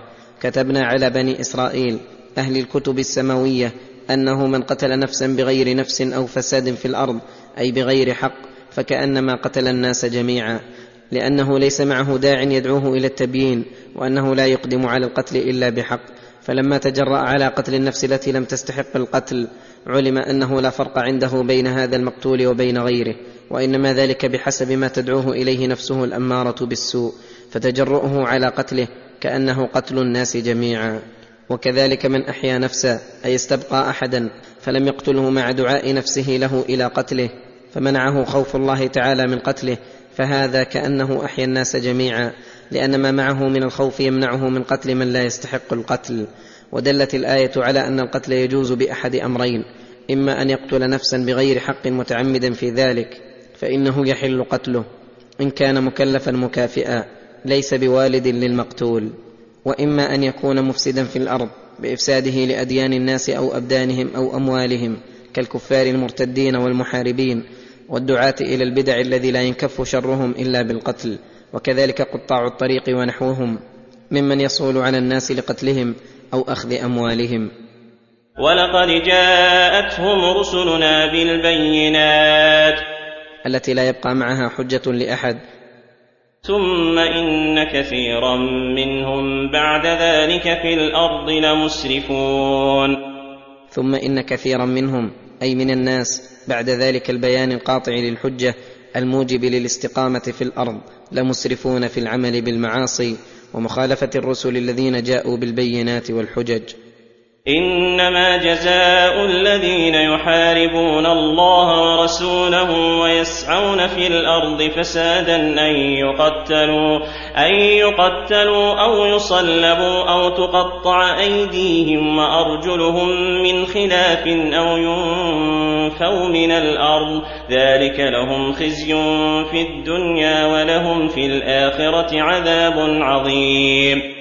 المحاربون لله ورسوله هم الذين بارزوه بالعداوة وأفسدوا في الأرض بالكفر والقتل وأخذ الأموال وإخافة السبل والمشهور أن هذه الآية الكريمة في أحكام قطاع الطريق الذين يعرضون للناس في القرى والبوادي فيغصبون أموالهم ويقتلونهم ويخيفونهم فيمتنع الناس من سلوك الطريق التي هم بها فتنقطع بذلك. فأخبر الله أن جزاءهم ونكالهم عند إقامة الحد عليهم أن يفعل بهم واحد من هذه الأمور. واختلف المفسرون هل ذلك على التخيير وأن كل قاطع طريق يفعل به الإمام أو نائبه ما رآه المصلحة من هذه الأمور المذكورة؟ وهذا ظاهر اللفظ. أو أن عقوبتهم تكون بحسب جرائمهم فكل جريمة لها قسط يقابلها كما تدل عليه الآية بحكمتها وموافقتها لحكمة الله تعالى. وأنهم إن قتلوا وأخذوا مالا تحتم قتلهم وصلبهم حتى يشتهروا ويختزوا ويرتدع غيرهم. وإن قتلوا ولم يأخذوا مالا تحتم قتلهم فقط وإن أخذوا مالا ولم يقتلوا تحتم أن تقطع أيديهم وأرجلهم من خلاف اليد اليمنى والرجل اليسرى. وإن أخافوا الناس ولم يقتلوا ولا أخذوا مالا نفوا من الأرض فلا يتركون يؤون في بلد حتى تظهر توبتهم. وهذا قول ابن عباس رضي الله عنه وكثير من الأئمة على اختلاف في بعض التفاصيل. ذلك لهم خزي في الدنيا ولهم في الاخره عذاب عظيم. ذلك النكال لهم خزي في الدنيا أي فضيحة وعار ولهم في الاخره عذاب عظيم. فدل هذا أن قطع الطريق من أعظم الذنوب موجب لفضيحة الدنيا وعذاب الآخرة وأن فاعله محارب لله ولرسوله. وإذا كان هذا شأن عظم هذه الجريمة علم أن تطهير الأرض من المفسدين وتأمين السبل والطرق. عن القتل وأخذ الأموال وإخافة الناس من أعظم الحسنات وأجل الطاعات وأنه إصلاح في الأرض كما أن ضده إفساد في الأرض. إلا الذين تابوا من قبل أن تقدروا عليهم فاعلموا أن الله غفور رحيم. إلا الذين تابوا من قبل أن تقدروا عليهم أي من هؤلاء المحاربين فاعلموا أن الله غفور رحيم أي فيسقط عنه ما كان لله من تحتم القتل والصلب والقطع والنفي ومن حق الآدمي أيضا إن كان المحارب كافرا ثم أسلم فإن كان المحارب مسلما فإن حق الآدمي لا يسقط عنه من القتل وأخذ المال. ودل مفهوم الآية على أن توبة المحارب بعد القدرة عليه أنها لا تسقط عنه شيئا والحكمة في ذلك ظاهرة. وإذا كانت التوبة قبل القدرة عليه تمنع من إقامة الحد في الحرابة فغيرها من الحدود إذا تاب من فعلها قبل القدرة عليه من باب أولى. يا أيها الذين آمنوا اتقوا الله وابتغوا إليه الوسيلة وجاهدوا في سبيله لعلكم تفلحون. هذا أمر من الله لعباده المؤمنين بما يقتضيه الإيمان من تقوى الله والحذر من سخطه وغضبه وذلك بأن يجتهد العبد ويبذل غاية ما يمكنه من المقدور في اجتناب ما يسخطه الله من معاصي القلب واللسان والجوارح الظاهرة والباطنة ويستعين بالله على تركها لينجو بذلك من سخط الله وعذابه وابتغوا إليه الوسيلة أي القرب منه والحظوة لديه والحب له وذلك بأداء فرائضه القلبية كالحب له وفيه والخوف والرجاء والإنابة والتوكل والبدنية كالزكاة والحج والمركبة من ذلك كالصلاة ونحوها ومن أنواع القراءة والذكر ومن أنواع الإحسان إلى الخلق بالمال والعلم والجاه والبدن والنصح لعباد الله فكل هذه الأعمال تقرب إلى الله ولا يزال العبد يتقرب بها إلى الله حتى يحبه الله فإذا أحبه كان سمعه الذي يسمع به وبصره الذي يبصر به ويده التي يبطش بها ورجله التي يمشي بها ويستجيب الله له الدعاء. ثم خص تبارك وتعالى من العبادات المقربة إليه الجهاد في سبيله. وهو بذل الجهد في قتال الكافرين بالمال والنفس والرأي واللسان والسعي في نصر دين الله بكل ما يقدر عليه العبد لأن هذا النوع من أجل الطاعات وأفضل القربات ولأن من قام به فهو على القيام بغيره أحرى وأولى. لعلكم تفلحون إذا اتقيتم الله بترك المعاصي وابتغيتم الوسيلة إلى الله بفعل الطاعات وجاهدتم في سبيله ابتغاء مرضاته والفلاح هو الفوز والظفر بكل مطلوب مرغوب. والنجاة من كل مرهوب فحقيقته السعادة الأبدية والنعيم المقيم. إن الذين كفروا لو أن لهم ما في الأرض جميعا ومثله معه ليفتدوا به ليفتدوا به من عذاب يوم القيامة ما تقبل منهم ولهم عذاب أليم. يريدون أن يخرجوا من النار وما هم بخارجين منها ولهم عذاب مقيم. يخبر تعالى عن شناعة حال الكافرين بالله يوم القيامة ومآلهم الفظيع وأنهم لو افتدوا من عذاب الله بملء الأرض ذهبا ومثله معه ما تقبل منهم ولا أفات لأن محل الافتداء قد فات ولم يبق إلا العذاب الأليم الموجع الدائم الذي لا يخرجون منه ابدا بل هم ماكثون فيه سرمدا.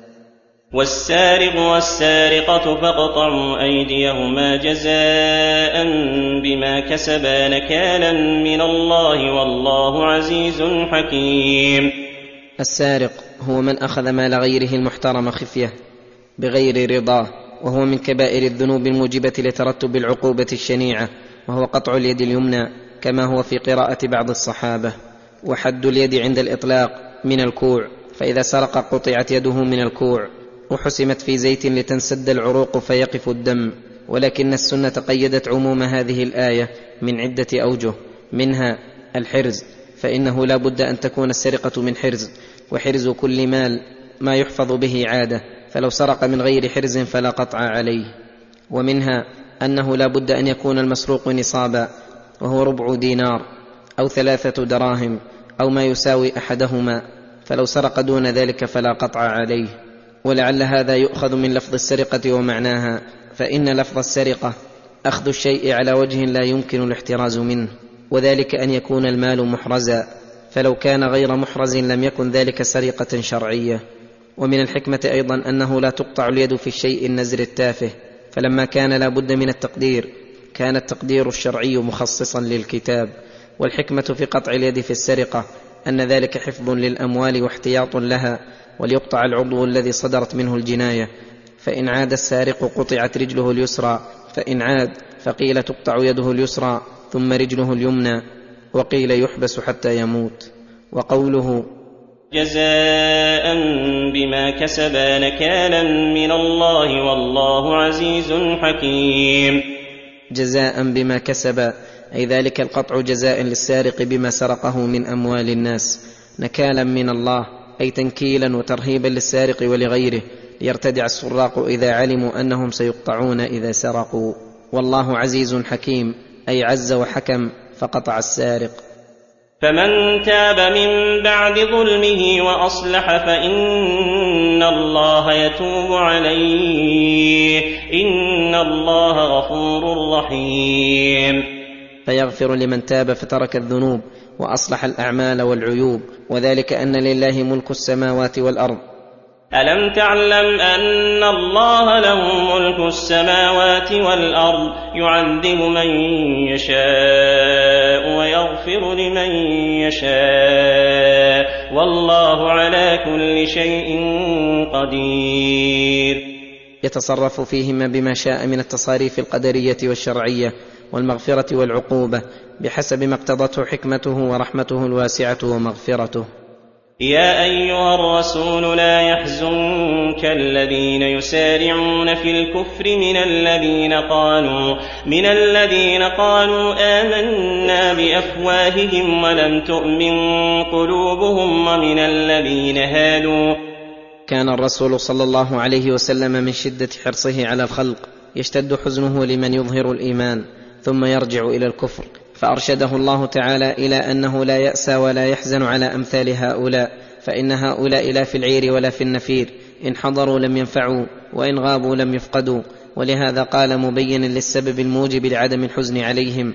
فقال من الذين قالوا آمنا بأفواههم ولم تؤمن قلوبهم ومن الذين هادوا. فإن الذين يؤسى ويحزن عليهم من كان معدودا من المؤمنين وهم المؤمنون ظاهرا وباطنا. وحاشا لله أن يرجع هؤلاء عن دينهم ويرتدوا. فإن الإيمان إذا خالطت بشاشته القلوب لم يعدل به صاحبه غيره ولم يبغ به بدلا. ومن الذين هادوا أي اليهود سماعون للكذب سماعون لقوم آخرين لم يأتوك. يحرفون الكلم من بعد مواضعه يقولون إن أوتيتم هذا فخذوه وإن لم تؤتوه فاحذروا. سماعون للكذب سماعون لقوم آخرين لم يأتوك. أي مستجيبون ومقلدون لرؤسائهم. المبني أمرهم على الكذب والضلال والغي. وهؤلاء الرؤساء المتبوعون لم يأتوك بل أعرضوا عنك. وفرحوا بما عندهم من الباطل وهو تحريف الكلم عن مواضعه أي جلب معان للألفاظ ما أرادها الله ولا قصدها لإضلال الخلق ولدفع الحق. فهؤلاء المنقادون للدعاة إلى الضلال المتبعين للمحال الذين يأتون بكل كذب. لا عقول لهم ولا همم فلا تبالي أيضا إذا لم يتبعوك لأنهم في غاية النقص. والناقص لا يؤبه له ولا يبالى به.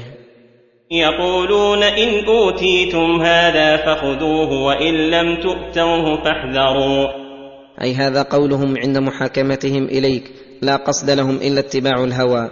يقول بعضهم لبعض إن حكم لكم محمد بهذا الحكم الذي يوافق أهواءكم فاقبلوا حكمه وإن لم يحكم لكم به فاحذروا أن تتابعوه على ذلك.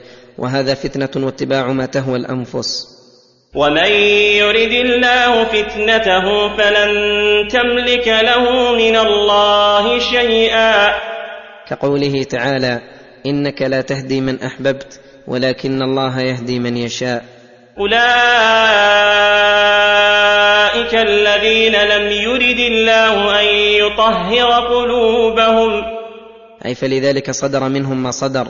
فدل ذلك على أن من كان مقصوده بالتحاكم إلى الحكم الشرعي اتباع هواه وأنه إن حكم له رضي وإن لم يحكم له سخط فإن ذلك من عدم طهارة قلبه كما أن من حاكم وتحاكم إلى الشرع ورضي به وافق هواه أو خالفه فإنه من طهارة القلب ودل على أن طهارة القلب سبب لكل خير وهو أكبر داع إلى كل قول رشيد وعمل سديد. لهم في الدنيا خزي ولهم في الآخرة عذاب عظيم. لهم في الدنيا خزي أي فضيحة وعار ولهم في الآخرة عذاب عظيم هو النار وسخط الجبار. سماعون للكذب أكالون للسحت فإن جاءوك فاحكم بينهم أو أعرض عنهم وإن تعرض عنهم فلن يضروك شيئا وإن حكمت فاحكم بينهم بالقسط إن الله يحب المقسطين. سماعون للكذب والسمع ها هنا سمع استجابة أي من قلة دينهم وعقلهم أن استجابوا لمن دعاهم إلى القول الكذب اكالون للسحت أي المال الحرام بما يأخذونه على سفلتهم وعوامهم من المعلومات والرواتب التي بغير الحق فجمعوا بين اتباع الكذب وأكل الحرام فإن جاءوك فاحكم بينهم أو أعرض عنهم فأنت مخير في ذلك. وليست هذه منسوخة فإنه عند تحاكم هذا الصنف إليه يخير بين أن يحكم بينهم أو يعرض عن الحكم بينهم بسبب أنه لا قصد لهم في الحكم الشرعي إلا أن يكون موافقا لأهوائهم.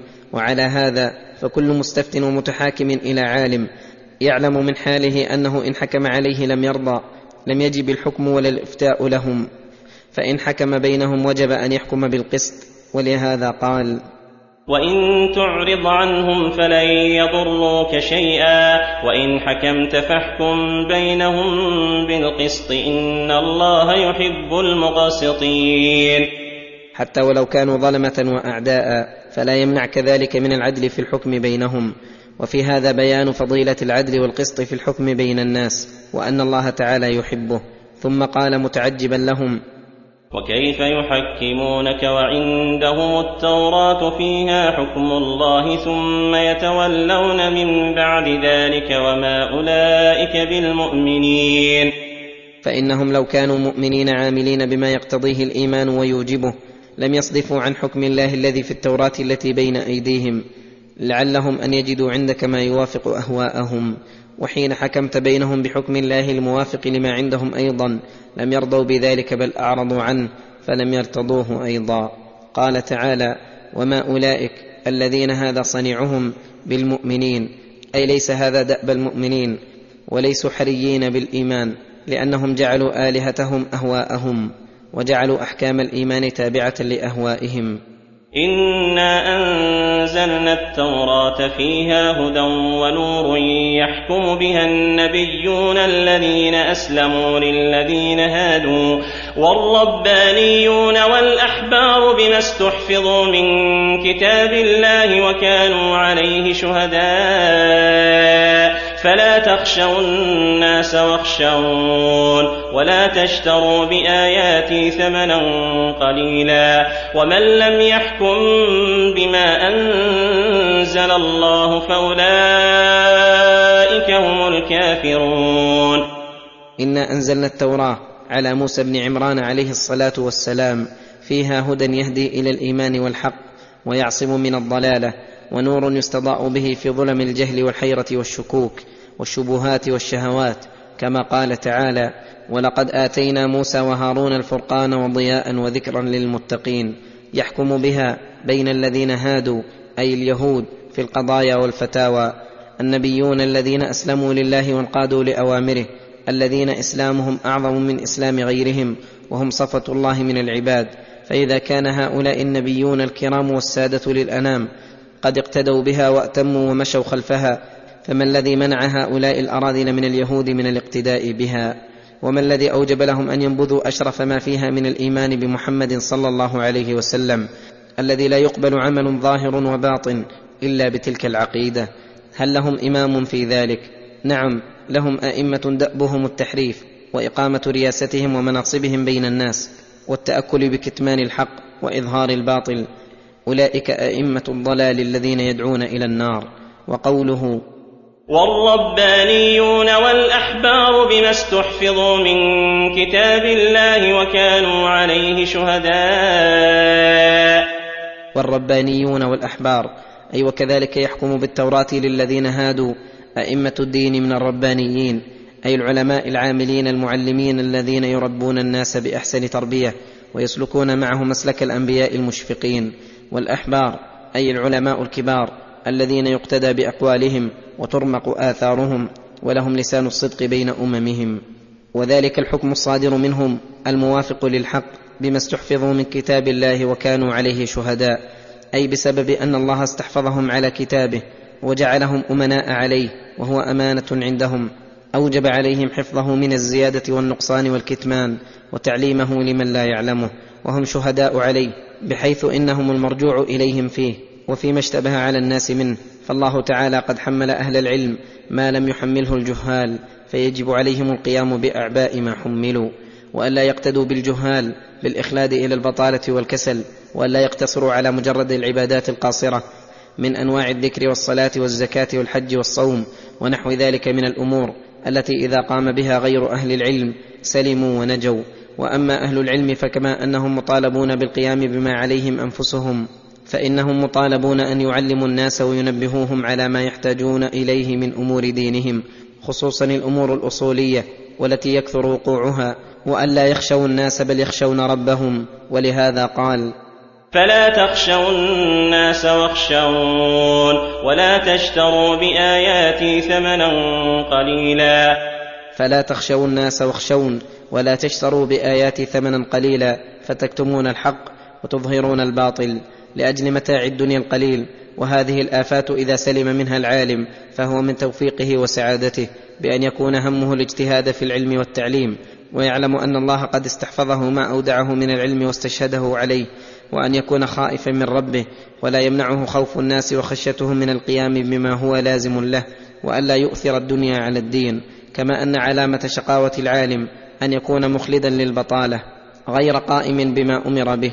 ولا مبال بما استحفظ عليه. قد أهمله وأضاعه. قد باع الدين بالدنيا. قد ارتشى في أحكامه. وأخذ المال على فتاويه. ولم يعلم عباد الله إلا بأجرة وجعالة. فهذا قد من الله عليه بمنة عظيمة. كفرها ودفع حظا جسيما محروما منه غيره. فنسألك اللهم علما نافعا وعملا متقبلا. وأن ترزقنا العفو والعافية من كل بلاء يا كريم. ومن لم يحكم بما أنزل الله فأولئك هم الكافرون. ومن لم يحكم بما أنزل الله من الحق المبين وحكم بالباطل الذي يعلمه لغرض من أغراضه الفاسدة فأولئك هم الكافرون. فالحكم بغير ما أنزل الله من أعمال أهل الكفر وقد يكون كفرا ينقل عن الملة وذلك إذا اعتقد حله وجوازه وقد يكون كبيرة من كبائر الذنوب. ومن أعمال الكفر. قد استحق من فعله العذاب الشديد. وكتبنا عليهم فيها أن النفس بالنفس والعين بالعين والأنف بالأنف والأذن والأذن بالأذن والسن بالسن والجروح قصاص.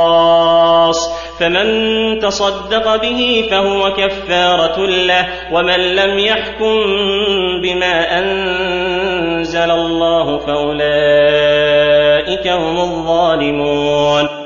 وكتبنا عليهم فيها أن النفس بالنفس والعين بالعين. هذه الأحكام من جملة الأحكام التي في التوراة.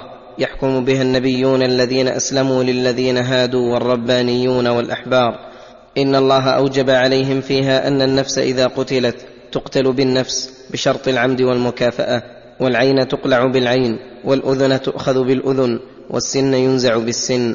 ومثل هذه ما أشبهها من الأطراف التي يمكن الاقتصاص منها بدون حيف والجروح قصاص والاقتصاص أن يفعل به كما فعل. فمن جرح غيره عمدا اقتص من الجارح جرحا مثل جرحه للمجروح.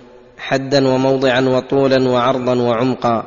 وليعلم أن شرع من قبلنا شرع لنا ما لم يرد شرعنا بخلافه.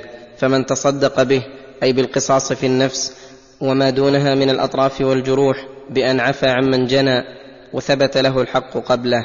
فهو كفارة له أي كفارة للجاني لأن الآدمي عفى عن حقه. والله تعالى أحق وأولى بالعفو عن حقه وكفارة أيضا عن العافي. فإنه كما عفى عمن جنى عليه أو على من يتعلق به فإن الله يعفو عن زلاته وجناياته. ومن لم يحكم بما أنزل الله فأولئك هم الظالمون. قال ابن عباس كفر دون كفر وظلم دون ظلم وفسق دون فسق فهو ظلم أكبر عند استحلاله وعظيمة كبيرة عند فعله غير مستحل له. وقفينا على آثارهم بعيسى ابن مريم مصدقا لما بين يديه من التوراة. أي وأتبعنا هؤلاء الأنبياء والمرسلين الذين يحكمون بالتوراة بعبدنا ورسولنا عيسى ابن مريم روح الله وكلمته التي ألقاها إلى مريم. بعثه الله مصدقا لما بين يديه من التوراة فهو شاهد لموسى ولما جاء به من التوراة بالحق والصدق ومؤيد لدعوته. وحاكم بشريعته وموافق له في أكثر الأمور الشرعية. وقد يكون عيسى عليه السلام أخف في بعض الأحكام كما قال تعالى عنه أنه قال لبني إسرائيل ولأحل لكم بعض الذي حرم عليكم. وآتيناه الإنجيل فيه هدى ونور ومصدقا لما بين يديه من التوراة وهدى وموعظة للمتقين. وآتيناه الإنجيل الكتاب العظيم المتمم للتوراه فيه هدى ونور يهدي إلى الصراط المستقيم ويبين الحق من الباطل ومصدقا لما بين يديه من التوراه بتثبيتها والشهادة لها والموافقة. وهدى وموعظة للمتقين. فإنهم الذين ينتفعون بالهدى ويتعظون بالمواعظ ويرتدعون عما لا يليق. وليحكم أهل الإنجيل بما أنزل الله فيه. أي يلزمهم التقيد بكتابهم ولا يجوز لهم العدول عنه. ومن لم يحكم بما أنزل الله فأولئك هم الفاسقون. وأنزلنا إليك الكتاب بالحق مصدقا لما بين يديه من الكتاب ومهيمنا عليه. يقول تعالى وأنزلنا إليك الكتاب الذي هو القرآن العظيم أفضل الكتب وأجلها بالحق أي إنزالا بالحق ومشتملا على الحق في أخباره وأوامره ونواهيه ومصدقا لما بين يديه من الكتاب لأنه شهد لها ووافقها. وطابقت أخباره أخبارها وشرائعه الكبار شرائعها وأخبرت به فصار وجوده مصداقا لخبرها ومهيمنا عليه أي مشتملا على ما اشتملت عليه الكتب السابقة وزيادة في المطالب الإلهية والأخلاق النفسية فهو الكتاب الذي تتبع كل حق جاءت به الكتب فأمر به وحث عليه وأكثر من الطرق الموصلة إليه وهو الكتاب الذي فيه نبأ السابقين واللاحقين وهو الكتاب الذي فيه الحكم والحكمة والأحكام الذي عرضت عليه الكتب السابقة. فما شهد له بالصدق فهو المقبول وما شهد له بالرد فهو مردود. قد دخله التحريف والتبديل وإلا فلو كان من عند الله لم يخالفه فاحكم بينهم بما أنزل الله ولا تتبع أهواءهم عما جاءك من الحق. فاحكم بينهم بما أنزل الله من الحكم الشرعي الذي أنزله الله عليك ولا تتبع أهواءهم عما جاءك من الحق أي لا تجعل اتباع أهوائهم الفاسدة المعارضة للحق بدلا عما جاءك من الحق فتستبدل الذي هو أدنى بالذي هو خير. لكل جعلنا منكم شرعة ومنهاجا. لكل جعلنا منكم أيها الأمم جعلنا شرعة ومنهاجا. أي سبيلا وسنة وهذه الشرائع التي تختلف باختلاف الأمم هي التي تتغير بحسب تغير الأزمنة والأحوال وكلها ترجع إلى العدل في وقت شرعتها وأما الأصول الكبار التي هي مصلحة وحكمة في كل زمان فإنها لا تختلف فتشرع في جميع الشرائع. ولو شاء الله لجعلكم أمة واحدة ولكن ولكن ليبلوكم فيما آتاكم فاستبقوا الخيرات. ولو شاء الله لجعلكم أمة واحدة تبعا لشريعة واحدة لا يختلف متأخرها ولا متقدمها. ولكن ليبلوكم فيما آتاكم فيختبركم وينظر كيف تعملون ويبتلي كل أمة بحسب ما تقتضيه حكمته. ويؤتي كل أحد ما يليق به وليحصل التنافس بين الأمم فكل أمة تحرص على سبق غيرها. ولهذا قال فاستبقوا الخيرات أي بادروا إليها وأكملوها فإن الخيرات الشاملة لكل فرض ومستحب من حقوق الله وحقوق عباده. لا يصير فاعلها سابقا لغيره مستوليا على الأمر إلا بأمرين المبادرة إليها وانتهاز الفرصة حين يجيء وقتها ويعرض عارضها. والاجتهاد في أدائها كاملة على الوجه المأمور به ويستدل بهذه الآية على المبادرة لأداء الصلاة وغيرها في أول وقتها وعلى أنه ينبغي ألا يقتصر العبد على مجرد ما يجزئ في الصلاة وغيرها من العبادات من الأمور الواجبة بل ينبغي أن يأتي بالمستحبات التي يقدر عليها لتتم وتكمل ويحصل بها السبق. إلى الله مرجعكم جميعا فينبئكم بما كنتم فيه تختلفون. إلى الله مرجعكم جميعا الأمم السابقة واللاحقة كلهم سيجمعهم الله ليوم لا ريب فيه فينبئكم بما كنتم فيه تختلفون من الشرائع والأعمال فيثيب أهل الحق والعمل الصالح ويعاقب أهل الباطل والعمل السيء.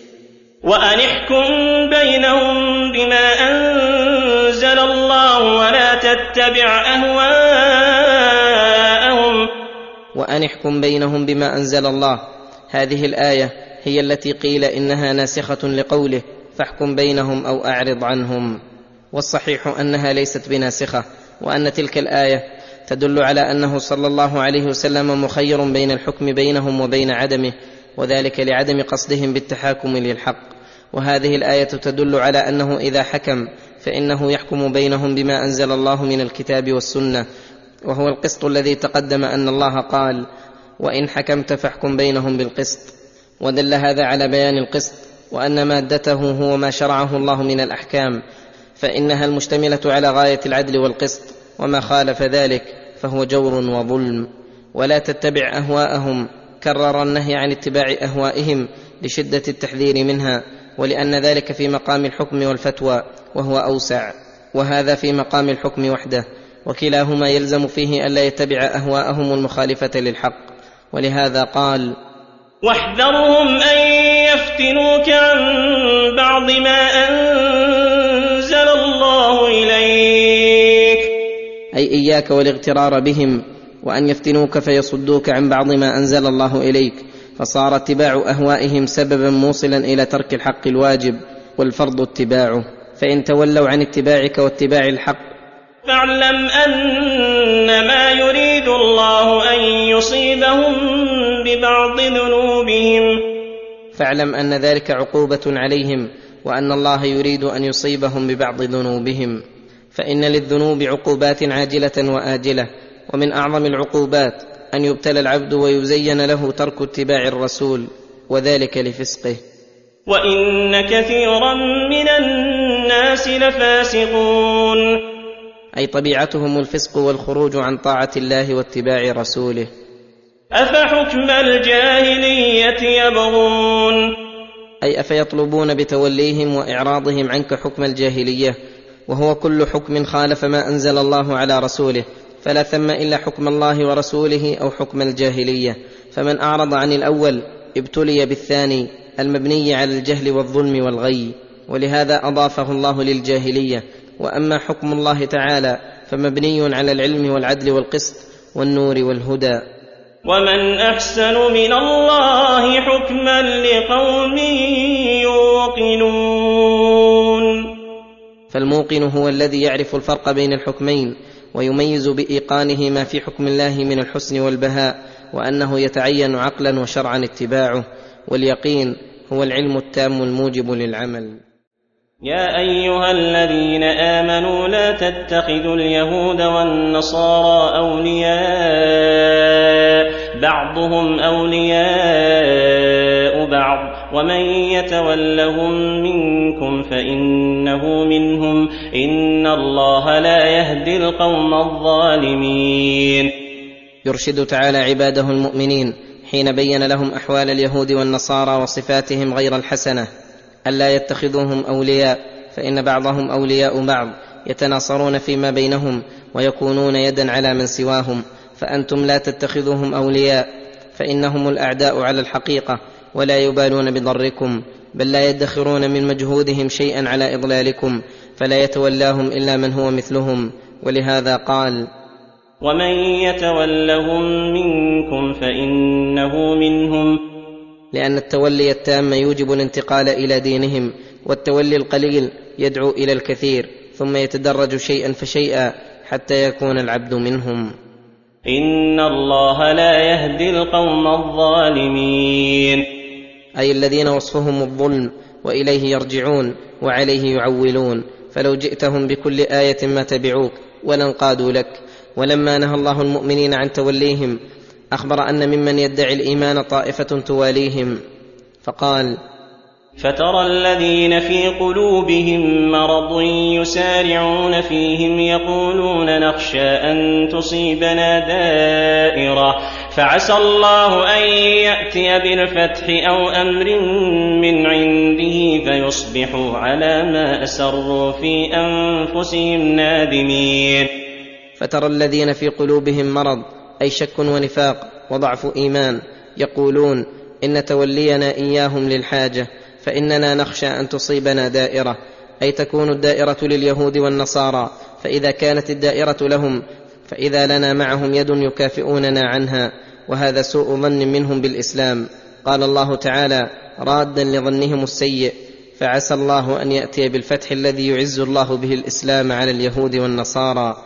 ويقهرهم المسلمون أو أمر من عنده ييأس به المنافقون من ظفر الكافرين من اليهود وغيرهم فيصبحوا على ما أسروا أي أضمروا في أنفسهم نادمين على ما كان منهم وضرهم بلا نفع حصل لهم. فحصل بالفتح الذي نصر الله به الإسلام والمسلمين وأذل به الكفر والكافرين فندموا وحصل لهم من الغم ما الله به عليم. ويقول الذين آمنوا أهؤلاء أقسموا بالله جهد أيمانهم إنهم لمعكم حبطت أعمالهم فأصبحوا خاسرين. ويقول الذين آمنوا متعجبين من حال هؤلاء الذين في قلوبهم مرض أهؤلاء الذين أقسموا بالله جهد أيمانهم إنهم لمعكم أي حلفوا وأكدوا حلفهم وغلظوه بأنواع التأكيدات إنهم لمعكم في الإيمان. وما يلزمه من النصرة والمحبة والموالاة. ظهر ما أضمروه وتبين ما أسروه وصار كيدهم الذي كادوه وظنهم الذي ظنوه بالإسلام وأهله باطلا. فبطل كيدهم وبطلت أعمالهم في الدنيا فأصبحوا خاسرين حيث فاتهم مقصودهم وحضرهم الشقاء والعذاب. يا أيها الذين آمنوا من يرتد منكم عن دينه فسوف يأتي الله بقوم يحبهم ويحبونه. أذلة على المؤمنين أعزة على الكافرين. أذلة على المؤمنين أعزة على الكافرين يجاهدون. يجاهدون في سبيل الله ولا يخافون لومة لائم. ذلك فضل الله يؤتيه من يشاء. والله واسع عليم. يخبر تعالى أنه الغني عن العالمين وأنه من يرتد عن دينه فلن يضر الله شيئا وإنما يضر نفسه. وأن لله عبادا مخلصين ورجالا صادقين. قد تكفل الرحمن الرحيم بهدايتهم ووعد بالإتيان بهم وأنهم أكمل الخلق أوصافا وأقواهم نفوسا وأحسنهم أخلاقا. أجل صفاتهم أن الله يحبهم ويحبونه. فإن محبة الله للعبد هي أجل نعمة أنعم بها عليه وأفضل فضيلة تفضل الله بها عليه. وإذا أحب الله عبدا يسر له الأسباب وهون عليه كل عسير. ووفقه لفعل الخيرات وترك المنكرات وأقبل بقلوب عباده إليه بالمحبة والوداد ومن لوازم محبة العبد لربه أنه لا بد أن يتصف بمتابعة الرسول صلى الله عليه وسلم ظاهرا وباطنا في أقواله وأفعاله وجميع أحواله. كما قال الله تعالى قل إن كنتم تحبون الله فاتبعوني يحببكم الله. كما أن من لازم محبة الله للعبد أن يكثر العبد من التقرب إلى الله بالفرائض والنوافل. كما قال النبي صلى الله عليه وسلم في الحديث الصحيح عن الله وما تقرب إلي عبدي بشيء أحب إلي مما افترضت عليه ولا يزال عبدي يتقرب إلي بالنوافل حتى أحبه فإذا أحببته كنت سمعه الذي يسمع به وبصره الذي يبصر به ويده التي يبطش بها ورجله التي يمشي بها ولئن سألني لأعطينه ولئن استعاذني لأعيذنه. ومن لوازم محبة الله معرفته تعالى والإكثار من ذكره. فإن المحبة بدون معرفة بالله ناقصة جدا بل غير موجودة. وإن وجدت دعواها ومن أحب الله أكثر من ذكره. وإذا أحب الله عبدا قبل منه اليسير من العمل وغفر له الكثير من الزلل. ومن صفاتهم أنهم أذلة على المؤمنين أعزة على الكافرين. فهم للمؤمنين أذلة من محبتهم لهم ونصحهم لهم ولينهم ورفقهم ورأفتهم ورحمتهم بهم وسهولة جانبهم وقرب الشيء الذي يطلب منهم وعلى الكافرين بالله المعاندين لآياته المكذبين لرسله أعزة قد اجتمعت هممهم وعزائمهم على معاداتهم وبذلوا جهدهم في كل سبب يحصل به الانتصار عليهم قال الله تعالى وأعدوا لهم ما استطعتم من قوة ومن رباط الخيل ترهبون به عدو الله وعدوكم. وقال الله تعالى أشداء على الكفار رحماء بينهم فالغلظة والشدة على أعداء الله مما يقرب العبد إلى الله ويوافق العبد ربه في سخطه عليهم. ولا تمنع الغلظة عليهم والشدة دعوتهم إلى الدين الإسلامي بالتي هي أحسن.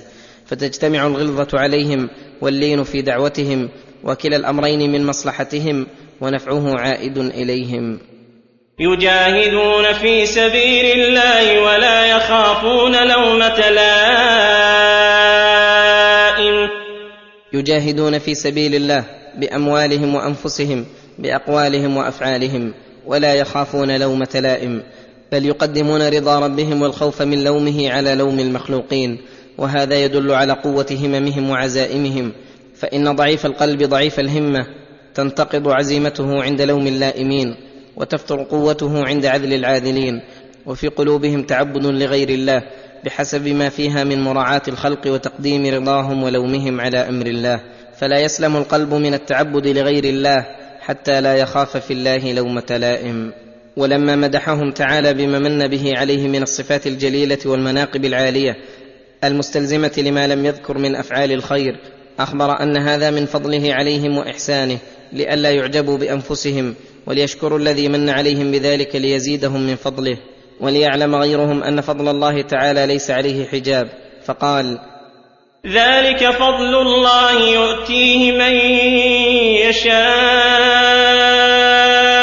والله واسع عليم. أي واسع الفضل والإحسان جزيل المنن قد عمت رحمته كل شيء. ويوسع على أوليائه من فضله ما لا يكون لغيرهم ولكنه عليم بمن يستحق الفضل فيعطيه فالله تعالى حيث يجعل رسالته أصلا وفرعا. إنما وليكم الله ورسوله والذين آمنوا والذين آمنوا الذين يقيمون الصلاة ويؤتون الزكاة وهم راكعون.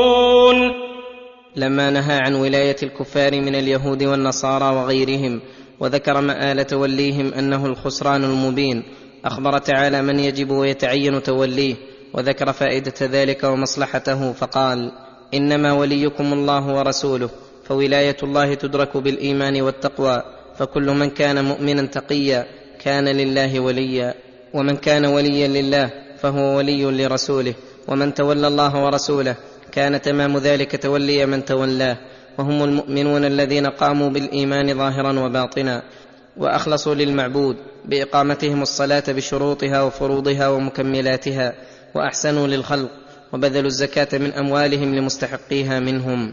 وقوله وهم راكعون أي خاضعون لله ذليلون فأداة الحصر في قوله إنما وليكم الله ورسوله والذين آمنوا تدل على أنه يجب قصر الولاية على المذكورين والتبري من ولاية غيرهم. ثم ذكر فائدة هذه الولاية فقال ومن يتول الله ورسوله والذين آمنوا فإن حزب الله فإن حزب الله هم الغالبون.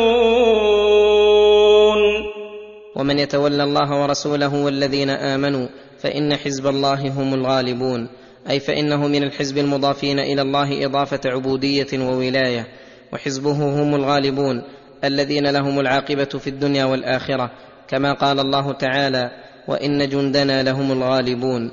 وهذه بشارة عظيمة لمن قام بأمر الله وصار من حزبه وجنده أن له الغلبة وإن أديل عليه في بعض الأحيان لحكمة يريدها الله تعالى فآخر أمره الغلبة والانتصار. ومن أصدق من الله قيلا.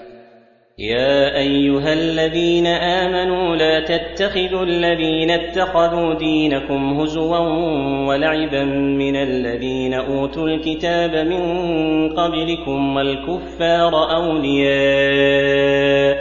واتقوا الله إن كنتم مؤمنين. وإذا ناديتم إلى الصلاة اتخذوها هزوا ولعبا ذلك بأنهم قوم لا يعقلون.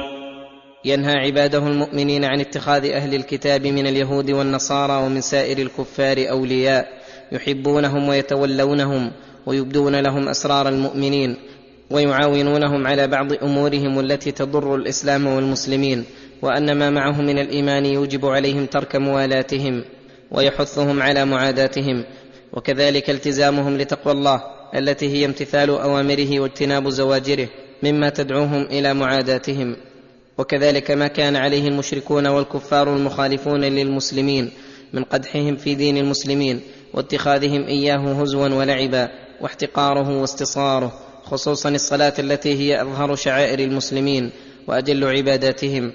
إنهم إذا نادوا إليها اتخذوها هزوا ولعبا وذلك لعدم عقلهم ولجهلهم العظيم. وإلا فلو كان لهم عقول لخضعوا لها ولعلموا أنها أكبر من جميع الفضائل التي تتصف بها النفوس. فإذا علمتم أيها المؤمنون حال الكفار وشدة معاداتهم لكم ولدينكم فمن لم يعادهم بعد هذا دل على أن الإسلام عنده رخيص. وأنه لا يبالي بمن قدح فيه أو قدح بالكفر والضلال وأنه ليس عنده من المروءة والإنسانية شيء. فكيف تدعي لنفسك دينا قيما وأنه الدين الحق وما سواه باطل وترضى بموالاة من اتخذه هزوا ولعبا وسخر به وبأهله من أهل الجهل والحمق. وهذا فيه من التهييج على عداوتهم ما هو معلوم لكل من له أدنى مفهوم. قل يا أهل الكتاب هل تنقمون منا إلا أن آمنا بالله وما أنزل إلينا وما أنزل من قبل وأن أكثركم فاسقون أي قل يا ايها الرسول يا أهل الكتاب ملزما لهم ان دين الاسلام هو الدين الحق وان قدحهم فيه قدح بامر ينبغي المدح عليه.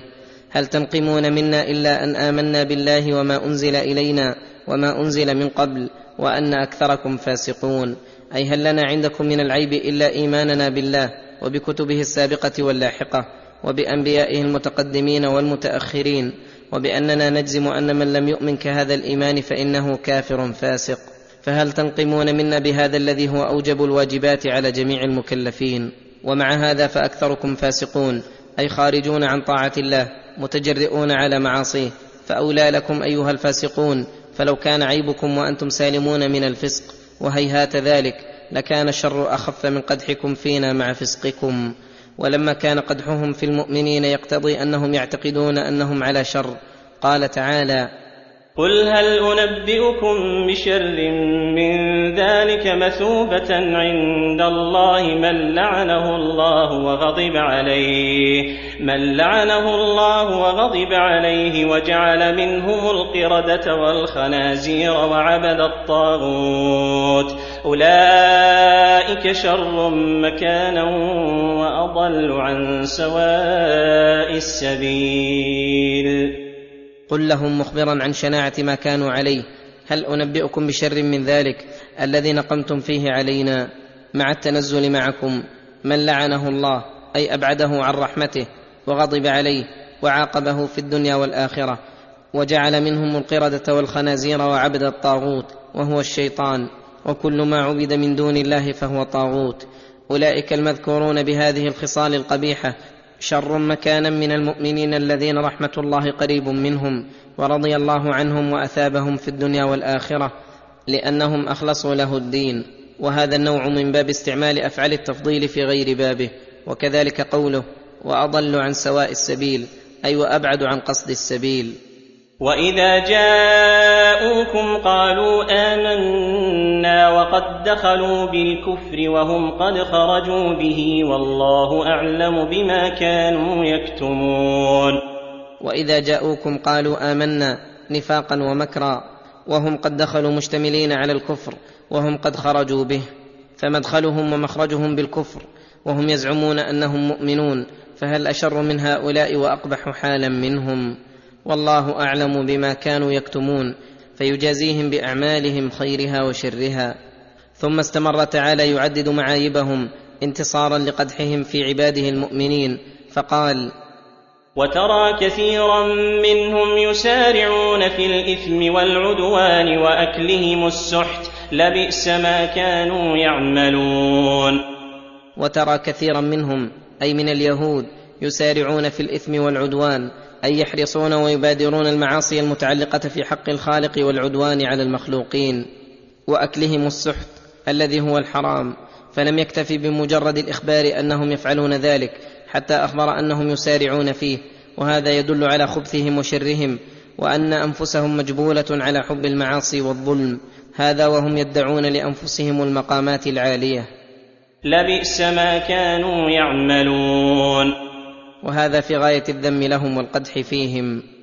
لولا ينهاهم الربانيون والأحبار عن قولهم الإثم وأكلهم السحت لبئس ما كانوا يصنعون.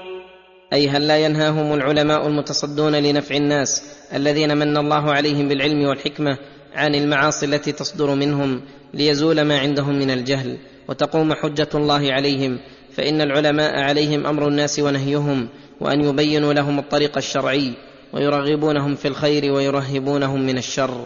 لبئس ما كانوا يصنعون.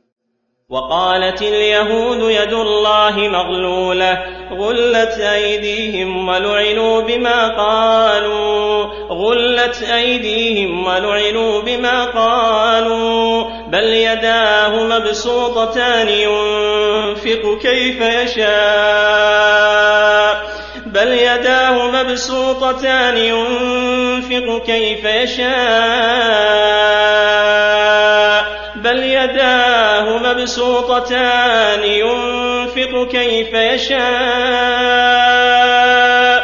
وليزيدن كثيرا منهم ما أنزل إليك من ربك طغيانا وكفرا وألقينا بينهم العداوة والبغضاء إلى يوم القيامة كلما أوقدوا نارا للحرب أطفأها الله.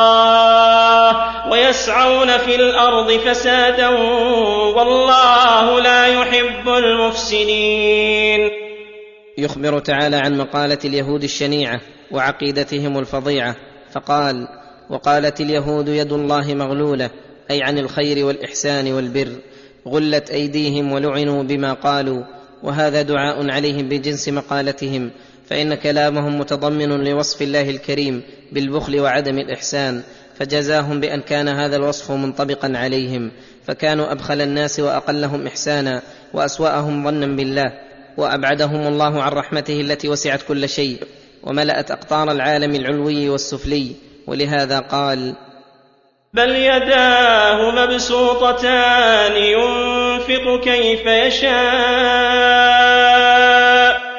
لا حجر عليه ولا مانع يمنعه مما أراد فإنه تعالى قد بسط فضله وإحسانه الديني والدنيوي وأمر العباد أن يتعرضوا لنفحات جوده والا يسدوا على أنفسهم أبواب إحسانه بمعاصيهم. فيداه سحاء الليل والنهار وخيره في جميع الأوقات مدرار يفرج كربا ويزيل غما ويغني فقيرا ويفك أسيرا ويجبر كسيرا ويجيب سائلا ويعطي فقيرا عائلا ويجيب المضطرين ويستجيب للسائلين. وينعم على من لم يساله ويعافي من طلب العافية ولا يحرم من خيره عاصيا بل خيره يرتع فيه البر والفاجر ويجود على أوليائه بالتوفيق لصالح الأعمال ثم يحمدهم عليها ويضيفها إليهم وهي من جوده ويثيبهم عليها من الثواب العاجل والآجل ما لا يدركه الوصف ولا يخطر على بال العبد ويلطف بهم في جميع أمورهم ويوصل إليهم من الإحسان ويدفع عنهم من النقم ما لا يشعرون بكثير منه. فسبحان من كل النعم التي بالعباد فمنه. وإليه يجأرون في دفع المكاره. وتبارك من لا يحصي أحد ثناء عليه. بل هو كما أثنى على نفسه. وتعالى من لا يخلو العباد من كرمه طرفة عين. بل لا وجود لهم ولا بقاء إلا بجوده. وقبح الله من استغنى بجهله عن ربه. ونسبه إلى ما لا يليق بجلاله. بل لو عامل الله اليهود القائلين تلك المقالة ونحوهم ممن حاله كحالهم ببعض قولهم لهلكوا وشقوا في دنياهم ولكنهم يقولون تلك الأقوال وهو تعالى يحلم عنهم ويصفح ويمهلهم ولا يهملهم. وقوله تعالى وليزيدن كثيرا منهم ما أنزل إليك من ربك طغيانا وكفرا.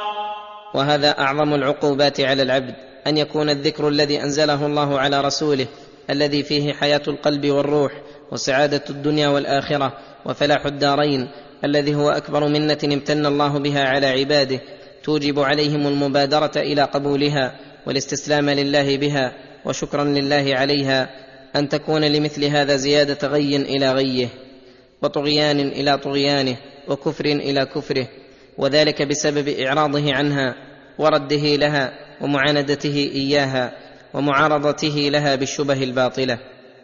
وألقينا بينهم العداوة والبغضاء إلى يوم القيامة. فلا يتآلفون ولا يتناصرون ولا يتفقون على حالة فيها مصلحتهم بل لم يزالوا متباغضين في قلوبهم متعادين بأفعالهم إلى يوم القيامة. كلما أوقدوا نارا للحرب أطفأها الله.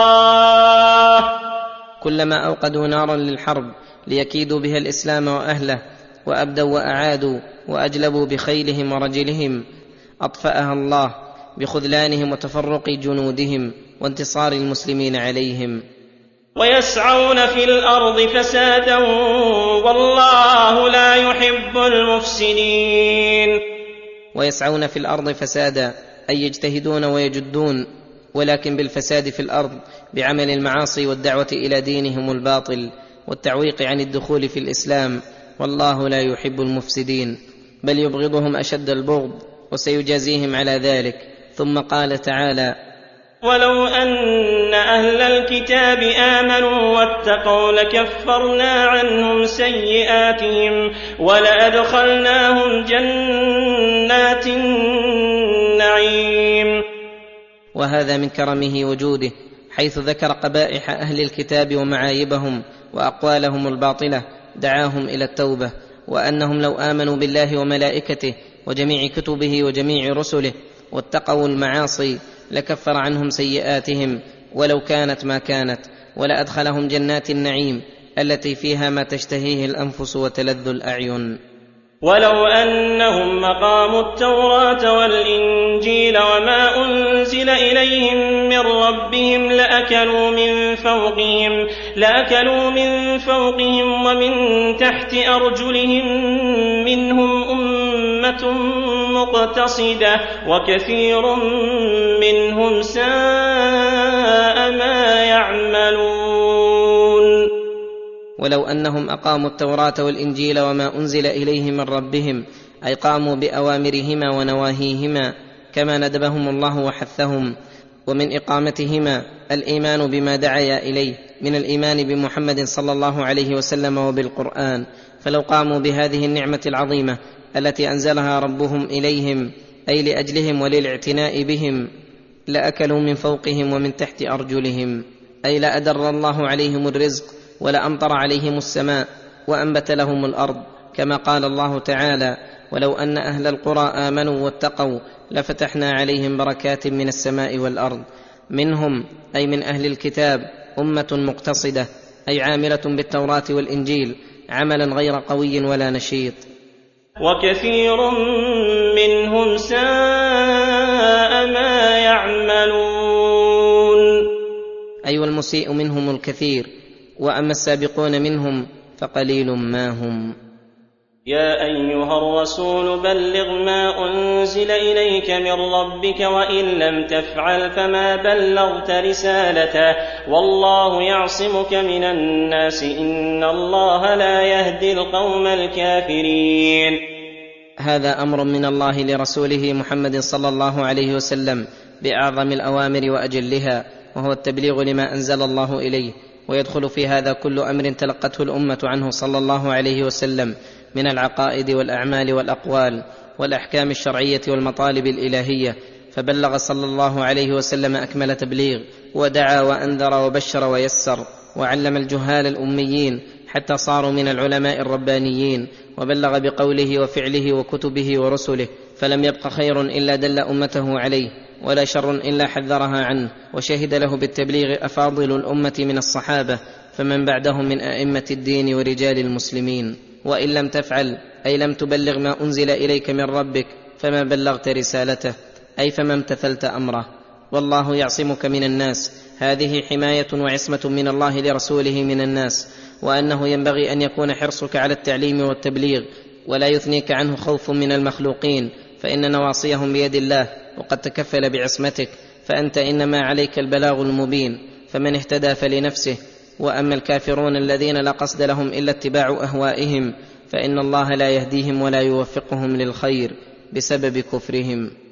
قل يا أهل الكتاب لستم على شيء حتى تقيموا التوراة والإنجيل وما أنزل إليكم من ربكم وليزيدن كثيرا منهم ما أنزل إليك من ربك طغيانا وكفرا فلا تأس على القوم الكافرين أي قل لأهل الكتاب مناديا على ضلالهم. ومعلنا بباطلهم لستم على شيء من الأمور الدينية فإنكم لا بالقرآن ومحمد آمنتم ولا بنبيكم وكتابكم صدقتم ولا بحق تمسكتم ولا على أصل اعتمدتم حتى تقيموا التوراة والإنجيل أي تجعلوهما قائمين بالإيمان بهما واتباعهما والتمسك بكل ما يدعوان إليه وتقيموا ما أنزل إليكم من ربكم الذي رباكم وأنعم عليكم وجعل أجل إنعامه. انزال الكتب إليكم فالواجب عليكم أن تقوموا بشكر الله وتلتزموا أحكام الله وتقوموا بما حملتم من أمانة الله وعهده ولا يزيدن كثيرا منهم ما أنزل إليك من ربك طغيانا وكفرا فلا تأس على القوم الكافرين إن الذين آمنوا والذين هادوا والصابئون والنصارى والنصارى من آمن بالله واليوم الآخر وعمل صالحا فلا خوف عليهم ولا هم يحزنون. يخبر تعالى عن أهل الكتب من أهل القرآن والتوراة والإنجيل أن سعادتهم ونجاتهم في طريق واحد وأصل واحد وهو الإيمان بالله واليوم الآخر والعمل الصالح. فمن آمن منهم بالله واليوم الآخر فله النجاة ولا خوف عليهم فيما يستقبلونه من الأمور المخوفة ولا هم يحزنون على ما خلفوا منها. وهذا الحكم المذكور يشمل سائر الأزمنة. لقد أخذنا ميثاق بني إسرائيل وأرسلنا إليهم رسلا كلما جاءهم رسول بما لا تهوى أنفسهم فريقا كذبوا وفريقا يقتلون. يقول تعالى لقد أخذنا ميثاق بني إسرائيل أي عهدهم الثقيل بالإيمان بالله والقيام بواجباته التي تقدم الكلام عليها في قوله ولقد أخذ الله ميثاق بني إسرائيل وبعثنا منهم اثني عشر نقيبا وأرسلنا إليهم رسلا يتوالون عليهم بالدعوة ويتعاهدونهم بالإرشاد ولكن ذلك لم ينجع فيهم ولم يفد. كلما جاءهم رسول بما لا تهوى أنفسهم من الحق كذبوه وعاندوه وعملوه أقبح المعاملة. فريقا كذبوا وفريقا يقتلون. وحسبوا ألا تكون فتنة فعموا وصموا ثم تاب الله عليهم ثم عموا وصموا كثير منهم والله بصير بما يعملون. وحسبوا الا تكون فتنة أي ظنوا أن معصيتهم وتكذيبهم لا يجر عليهم عذابا ولا عقوبة فاستمروا على باطلهم فعموا وصموا عن الحق ثم انعشهم وتاب الله عليهم حين تابوا إليه وأنابوا ثم لم يستمروا على ذلك حتى انقلب أكثرهم إلى الحال القبيحة فعموا وصموا كثير منهم بهذا الوصف والقليل استمروا على توبتهم وإيمانهم والله بصير بما يعملون فيجازي كل عامل بعمله إن خيرا فخير وإن شرا فشر. لقد كفر الذين قالوا إن الله هو المسيح ابن مريم وقال المسيح يا بني إسرائيل اعبدوا الله ربي وربكم إنه من يشرك بالله فقد حرم الله عليه الجنة ومأواه النار ومأواه النار وما للظالمين من أنصار يخبر تعالى عن كفر النصارى بقولهم ان الله هو المسيح ابن مريم بشبهه انه خرج من ام بلا اب وخالف المعهود من الخلقه الالهيه والحال انه عليه الصلاه والسلام قد كذبهم في هذه الدعوى وقال لهم يا بني اسرائيل اعبدوا الله ربي وربكم فاثبت لنفسه العبوديه التامه ولربه الربوبية الشاملة لكل مخلوق. إنه من يشرك بالله أحدا من المخلوقين لا عيسى ولا غيره فقد حرم الله عليه الجنة ومأواه النار. وذلك لأنه سوى الخلق بالخالق وصرف ما خلقه الله له وهو العبادة الخالصة لغير من هي له فاستحق أن يخلد في النار. وما للظالمين من أنصار ينقذونهم من عذاب الله أو يدفعون عنهم بعض ما نزل بهم. لقد كفر الذين قالوا إن الله ثالث ثلاثة. وهذا من أقوال النصارى المنصورة عندهم. زعموا أن الله ثالث ثلاثة. الله وعيسى ومريم. تعالى الله عن قولهم علوا كبيرا. وهذا أكبر دليل على قلة عقول النصارى. كيف قبلوا هذه المقالة الشنعاء والعقيدة القبيحة؟ كيف اشتبه عليهم الخالق بالمخلوقين؟ كيف خفي عليهم رب العالمين؟ قال تعالى رادا عليهم وعلى أشباههم. وما من إله إلا إله واحد. وما من اله الا اله واحد. متصف بكل صفه كمال منزه عن كل نقص منفرد بالخلق والتدبير. ما بالخلق من نعمه الا منه. فكيف يجعل معه اله غيره؟ تعالى الله عما يقول الظالمون علوا كبيرا. ثم توعدهم بقوله وإن لم ينتهوا عما يقولون ليمسن الذين كفروا منهم عذاب أليم. ثم دعاهم إلى التوبه عما صدر منهم وبين انه يقبل التوبه عن عباده. فقال أفلا يتوبون إلى الله ويستغفرونه والله غفور رحيم. أفلا يتوبون إلى الله؟ أي يرجعون إلى ما يحبه ويرضاه من الإقرار لله بالتوحيد وبأن عيسى عبد الله ورسوله عما كانوا يقولونه ويستغفرونه عما صدر منهم والله غفور رحيم. أي يغفر ذنوب التائبين ولو بلغت عنان السماء ويرحمهم بقبول توبتهم وتبديل سيئاتهم حسنات. وصدر دعوتهم إلى التوبة بالعرض الذي هو في غاية اللطف واللين في قوله أفلا يتوبون إلى الله؟ ثم ذكر حقيقة المسيح وأمه الذي هو الحق فقال ما المسيح ابن مريم إلا رسول قد خلت من قبله الرسل وأمه صديقة كانا يأكلان الطعام. انظر كيف نبين لهم الآيات ثم انظر أنا يؤفكون. ما المسيح ابن مريم إلا رسول قد خلت من قبله الرسل؟ أي هذا غايته ومنتهى أمره أنه من عباد الله المرسلين الذين ليس لهم من الأمر ولا من التشريع إلا ما أرسلهم الله به وهو من جنس الرسل قبله لا مزية له عليهم تخرجه عن البشرية إلى مرتبة الربوبية. وأمه مريم صديقة أي هذا أيضا غايتها أن كانت من الصديقين الذين هم أعلى الخلق رتبة بعد الأنبياء والصديقية هي العلم النافع المثمر لليقين والعمل الصالح وهذا دليل على أن مريم لم تكن نبية بل أعلى أحوالها الصديقية.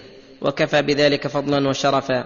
وكذلك سائر النساء لم يكن منهن نبية لأن الله تعالى جعل النبوة في أكمل الصنفين في الرجال كما قال تعالى وما أرسلنا من قبلك إلا رجالا نوحي إليهم فإذا كان عيسى عليه السلام من جنس الأنبياء والرسل من قبله وأمه صديقة فلأي شيء اتخذهما النصارى إلهين مع الله؟ وقوله كانا يأكلان الطعام. دليل ظاهر على أنهما عبدان فقيران محتاجان كما يحتاج بنو آدم إلى الطعام والشراب. فلو كانا إلهين لاستغنيا عن الطعام والشراب ولم يحتاجا إلى شيء فإن الإله هو الغني الحميد. ولما بين تعالى البرهان قال انظر كيف نبين لهم الآيات ثم انظر أنا يؤفكون. انظر كيف نبين لهم الآيات الموضحة للحق الكاشفة لليقين ومع هذا لا تفيد فيهم شيئا بل لا يزالون على إفكهم وكذبهم وافترائهم وذلك ظلم وعناد منهم. قل أتعبدون من دون الله ما لا يملك لكم ضرا ولا نفعا والله هو السميع العليم. أي قل لهم أيها الرسول أتعبدون من دون الله من المخلوقين الفقراء المحتاجين من لا يملك لكم ضرا ولا نفعا وتدعون من انفرد بالضر والنفع والعطاء والمنع. والله هو السميع لجميع الأصوات باختلاف اللغات على تفنن الحاجات العليم بالظواهر والبواطن والغيب والشهادة والأمور الماضية والمستقبلة فالكامل تعالى الذي هذه أوصافه هو الذي يستحق أن يفرد بجميع أنواع العبادة ويخلص له الدين. قل يا أهل الكتاب لا تغلوا في دينكم غير الحق ولا تتبعوا أهواء قوم قد ضلوا من قبل وأضلوا كثيرا وضلوا عن سواء السبيل. يقول تعالى لنبيه صلى الله عليه وسلم قل يا أهل الكتاب لا تغلوا في دينكم غير الحق أي لا تتجاوزوا وتتعدوا الحق إلى الباطل. وذلك كقولهم في المسيح ما تقدم حكايته عنهم وكغلوهم في بعض المشايخ اتباعا لأهواء قوم قد ضلوا من قبل أي تقدم ضلالهم وأضلوا كثيرا من الناس بدعوتهم إياهم إلى الدين الذي هم عليه وضلوا عن سواء السبيل أي قصد الطريق فجمعوا بين الضلال والإضلال وهؤلاء هم أئمة الضلال الذين حذر الله عنهم وعن اتباع أهوائهم المرديه وآرائهم المضلة ثم قال تعالى لعن الذين كفروا من بني إسرائيل على لسان داود وعيسى بن مريم ذلك بما عصوا وكانوا يعتدون.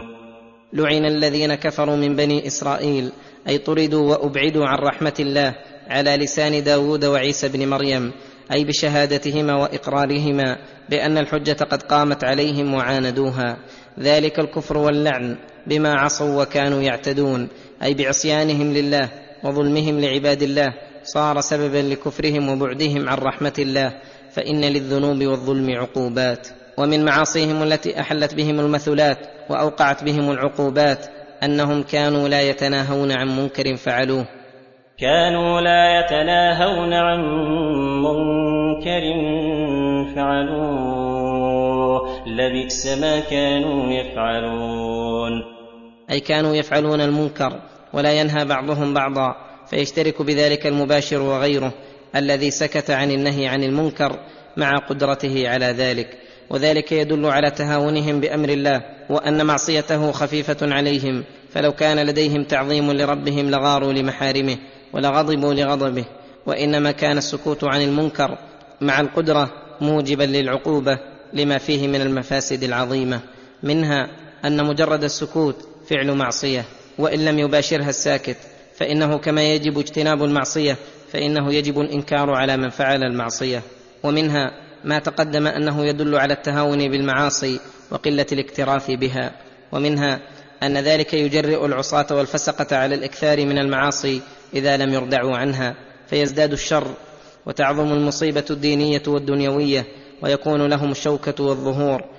ثم بعد ذلك يضعف أهل الخير عن مقاومة أهل الشر حتى لا يقدرون على ما كانوا يقدرون عليه أولا. ومنها أن في ترك الإنكار للمنكر يندرس العلم ويكثر الجهل فإن المعصية مع تكررها وصدورها من كثير من الأشخاص وعدم إنكار أهل الدين والعلم لها يظن أنها ليست بمعصية. وربما ظن الجاهل أنها عبادة مستحسنة وأي مفسدة أعظم من اعتقاد ما حرم الله حلالا. وانقلاب الحقائق على النفوس ورؤية الباطل حقا. ومنها أن السكوت على معصية العاصين ربما تزينت المعصية في صدور الناس واقتدى بعضهم ببعض فالإنسان مولع بالاقتداء بأضرابه وبني جنسه. ومنها ومنها فلما كان السكوت عن الإنكار بهذه المثابة نص الله تعالى أن بني إسرائيل الكفار منهم لعنهم بمعاصيهم واعتدائهم وخص من ذلك هذا المنكر العظيم. لبئس ما كانوا يفعلون. ترى كثيرا منهم يتولون الذين كفروا. لبئس ما قدمت لهم أنفسهم أن سخط الله عليهم أن سخط الله عليهم وفي العذاب هم خالدون. ترى كثيرا منهم يتولون الذين كفروا بالمحبة والموالاة والنصرة. لبئس ما قدمت لهم أنفسهم هذه البضاعة الكاسدة والصفقة الخاسرة وهي سخط الله الذي يسخط لسخطه كل شيء والخلود الدائم في العذاب العظيم. فقد ظلمتهم أنفسهم حيث قدمت لهم هذا النزل غير الكريم وقد ظلموا أنفسهم إذ فوتوها النعيم المقيم. ولو كانوا يؤمنون بالله والنبي وما أنزل إليه ما اتخذوهم أولياء ولكن كثيرا منهم فاسقون. ولو كانوا يؤمنون بالله والنبي وما أنزل إليه ما اتخذوهم أولياء فإن الإيمان بالله وبالنبي وما أنزل إليه يوجب على العبد موالاة ربه وموالاة أوليائه ومعاداة من كفر به وعاداه. وأوضع في معاصيه. فشرط ولاية الله والإيمان به الا يتخذ أعداء الله أولياء وهؤلاء لم يوجد منهم الشرط فدل على انتفاء المشروط. ولكن كثيرا منهم فاسقون. أي خارجون عن طاعة الله والإيمان به وبالنبي ومن فسقهم موالاة أعداء الله.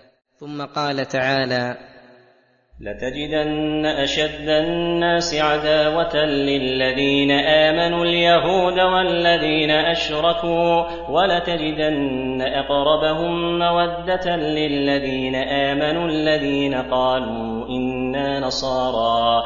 ذلك بأن منهم قسيسين ورهبانا وأنهم لا يستكبرون. يقول تعالى في بيان أقرب الطائفتين إلى المسلمين وإلى ولايتهم ومحبتهم وأبعدهم من ذلك لتجدن أشد الناس عداوة للذين آمنوا اليهود والذين أشركوا. فهؤلاء الطائفتان على الإطلاق أعظم الناس معاداة للإسلام والمسلمين وأكثرهم سعيا في إيصال الضرر إليهم وذلك لشدة بغضهم لهم بغيا وحسدا وعنادا وكفرا. ولتجدن أقربهم مودة للذين آمنوا الذين قالوا إنا نصارى. وذكر تعالى لذلك عدة أسباب منها أن منهم قسيسين ورهبانا أي علماء متزهدين وعبادا في الصوامع متعبدين والعلم مع الزهد وكذلك العبادة مما يلطف القلب ويرققه ويزيل عنه ما فيه من الجفاء والغلظة فلذلك لا يوجد فيهم غلظة اليهود. وشدة المشركين ومنها أنهم لا يستكبرون أي ليس فيهم تكبر ولا عتو عن الانقياد للحق وذلك موجب لقربهم من المسلمين ومن محبتهم فإن المتواضع أقرب إلى الخير من المستكبر ومنها واذا سمعوا ما انزل إلى الرسول ترى اعينهم تفيض من الدمع مما عرفوا من الحق يقولون ربنا امنا فاكتبنا مع الشاهدين أنهم إذا سمعوا ما أنزل إلى الرسول محمد صلى الله عليه وسلم أثر ذلك في قلوبهم وخشعوا له وفاضت أعينهم بسبب ما سمعوا من الحق الذي تيقنوه فلذلك آمنوا وأقروا به فقالوا ربنا آمنا فاكتبنا مع الشاهدين. وهم أمة محمد صلى الله عليه وسلم يشهدون لله بالتوحيد ولرسله بالرسالة وصحه ما جاءوا به ويشهدون على الأمم السابقة بالتصديق والتكذيب وهم عدول شهادتهم مقبولة كما قال الله تعالى وكذلك جعلناكم أمة وسطا لتكونوا شهداء على الناس ويكون الرسول عليكم شهيدا فكأنهم ليموا على إيمانهم ومسارعتهم فيه فقالوا وما لنا لا نؤمن بالله وما جاءنا من الحق ونطمع أن يدخلنا ربنا مع القوم الصالحين وما لنا لا نؤمن بالله وما جاءنا من الحق ونطمع ان يدخلنا ربنا مع القوم الصالحين اي وما الذي يمنعنا من الايمان بالله والحال انه قد جاءنا الحق من ربنا الذي لا يقبل الشك والريب ونحن اذا امنا واتبعنا الحق طمعنا ان يدخلنا الله الجنه مع القوم الصالحين فاي مانع يمنعنا اليس ذلك موجبا للمسارعه والانقياد للايمان وعدم التخلف عنه قال الله تعالى فأثابهم الله بما قالوا جنات تجري من تحتها الأنهار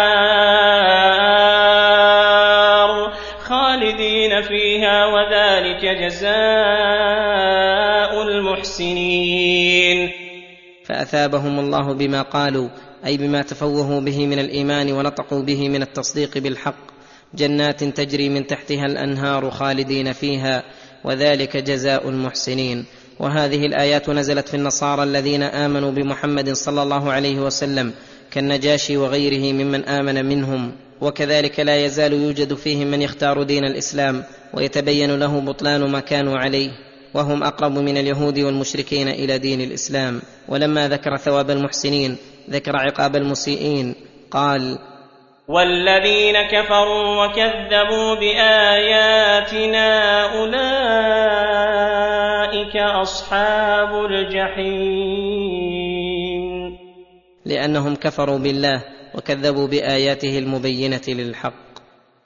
يا أيها الذين آمنوا لا تحرموا طيبات ما أحل الله لكم ولا تعتدوا إن الله لا يحب المعتدين.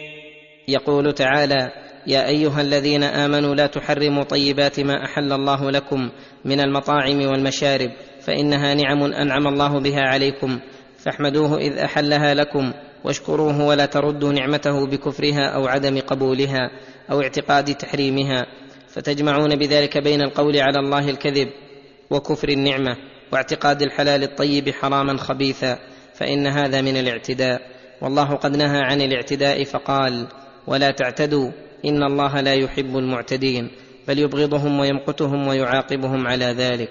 ثم أمر بضد ما عليه المشركون الذين يحرمون ما أحل الله فقال وكلوا مما رزقكم الله حلالا طيبا واتقوا الله الذي أنتم به مؤمنون. وكلوا مما رزقكم الله حلالا طيبا. أي كلوا من رزقه الذي ساقه إليكم بما يسره من الأسباب إذا كان حلالا لا سرقة ولا غصبا ولا غير ذلك من أنواع الأموال التي تؤخذ بغير حق وكان أيضا طيبا وهو الذي لا خبث فيه. فخرج بذلك الخبيث من السباع والخبائث. واتقوا الله في امتثال أوامره واجتناب نواهيه الذي أنتم به مؤمنون. فإن إيمانكم بالله يوجب عليكم تقواه ومراعاة حقه فإنه لا يتم إلا بذلك. ودلت الآية الكريمة على أنه إذا حرم حلالا عليه من طعام وشراب وسرية وأمة ونحو ذلك فإنه لا يكون حراما بتحريمه لكن لو فعله فعليه كفارة يمين كما قال الله تعالى يا أيها النبي لم تحرم ما أحل الله لك إلا أن تحريم الزوجة فيه كفارة ظهار ويدخل في هذه الآية أنه لا ينبغي للإنسان أن يتجنب الطيبات ويحرمها نفسه. بل يتناولها مستعينا بها على طاعة ربه. لا يؤاخذكم الله باللغو في أيمانكم ولكن يؤاخذكم بما عقدتم الأيمان.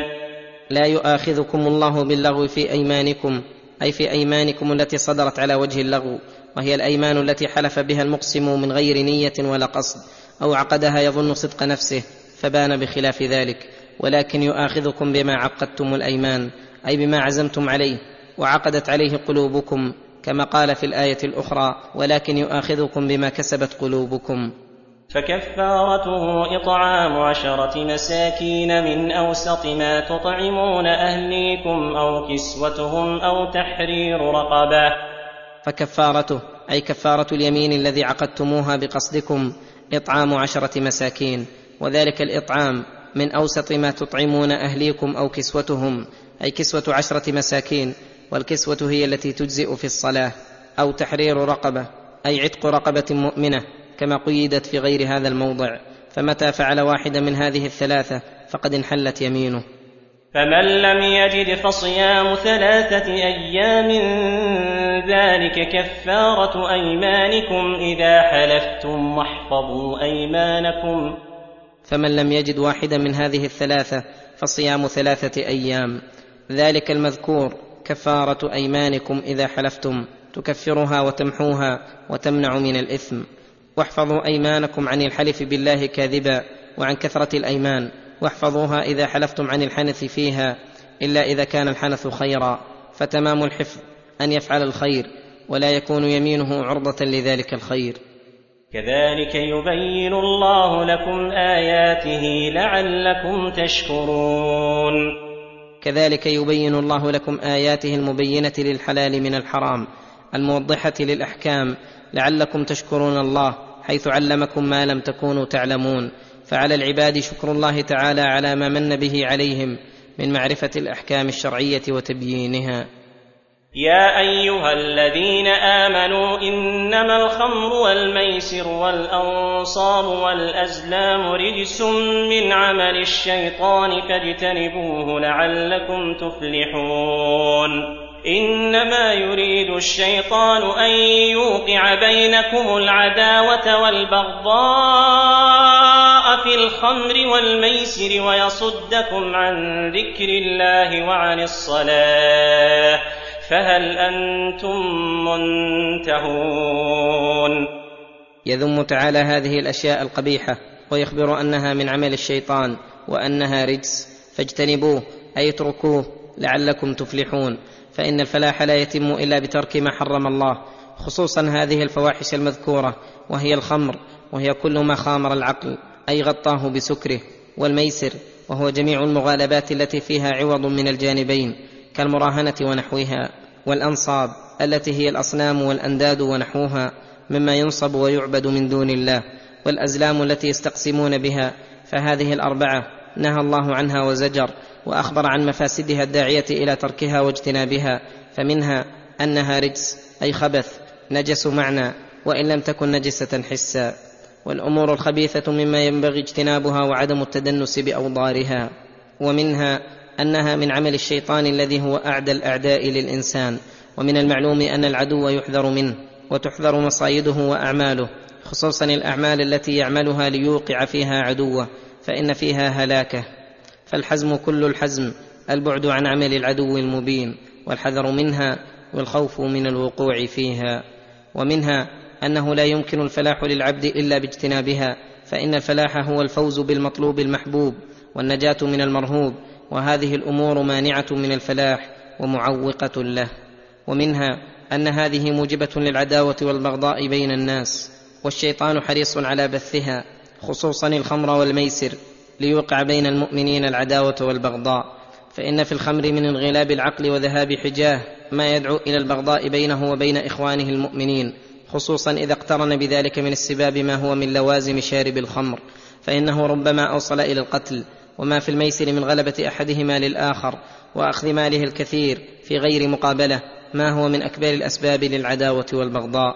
ومنها أن هذه الأشياء تصد القلب ويتبعه البدن عن ذكر الله وعن الصلاة. اللذين خلق لهما العبد وبهما سعادته. فالخمر والميسر يصدانه عن ذلك أعظم صد ويشتغل قلبه ويذهل لبه في الاشتغال بهما حتى يمضي عليه مدة طويلة وهو لا يدري أين هو.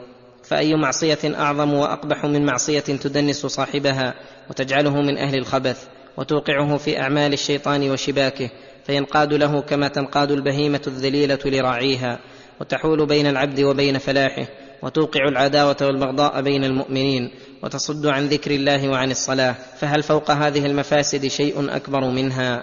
ولهذا عرض تعالى على العقول السليمة النهي عنها عرضا بقوله فهل أنتم منتهون؟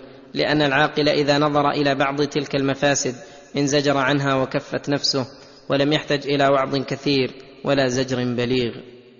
وأطيعوا الله وأطيعوا الرسول واحذروا فإن توليتم فاعلموا أنما على رسولنا البلاغ المبين.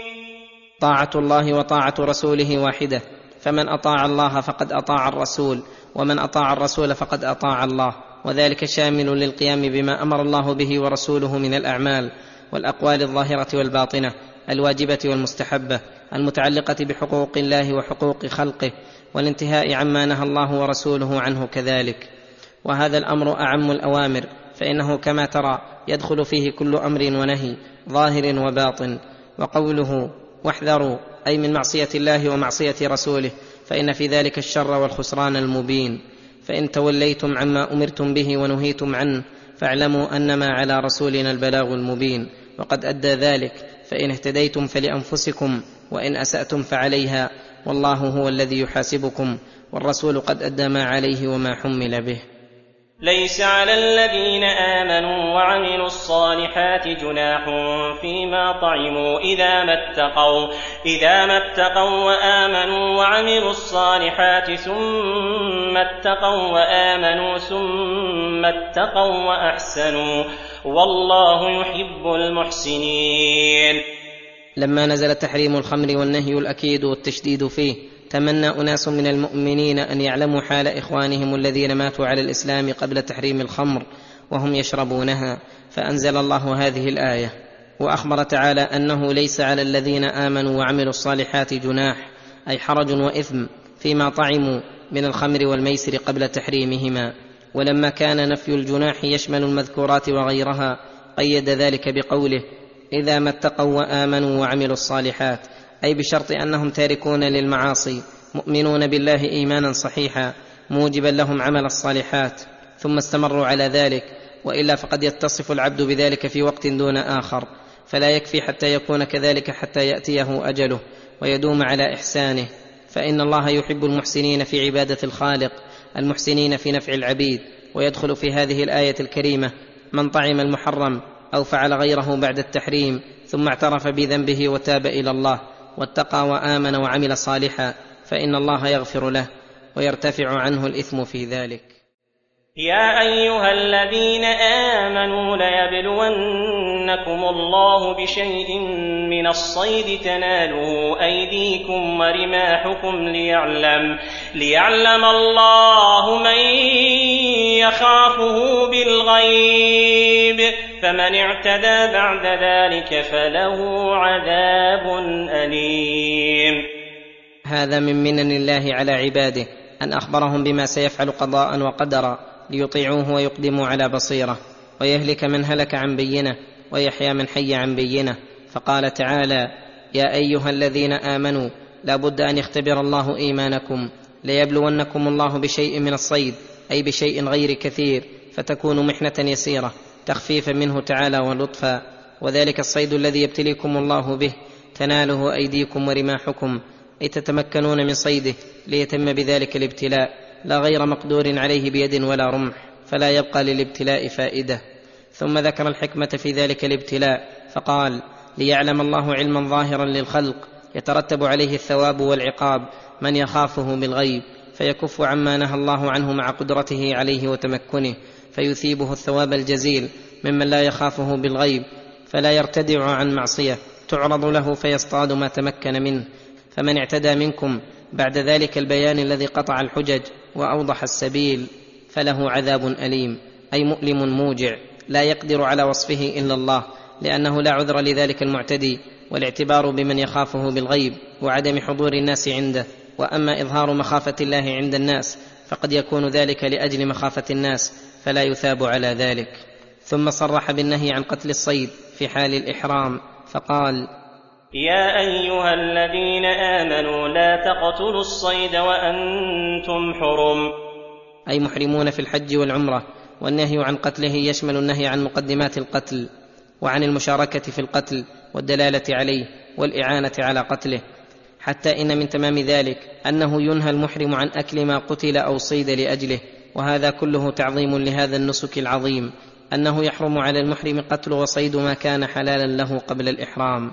وقوله ومن قتله منكم متعمدا فجزاء مثل ما قتل من النعم يحكم به ذوى عدل منكم هديا بالغ الكعبة أو كفارة طعام مساكين أو كفارة طعام مساكين أو عدل ذلك صياما ليذوق وبال أمره. عفى الله عما سلف ومن عاد فينتقم الله منه والله عزيز ذو انتقام. ومن قتله منكم متعمدا أي قتل صيدا عمدا فعليه جزاء مثل ما قتل من النعم. أي الإبل أو البقر أو الغنم فينظر ما يشبه شيئا من ذلك فيجب عليه مثله.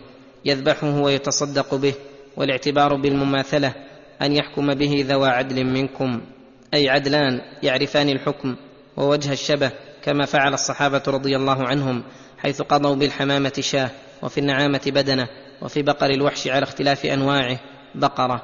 وهكذا كل ما يشبه شيئا من النعم ففيه مثله فإن لم يشبه شيئا ففيه قيمته كما هو القاعدة في المتلفات.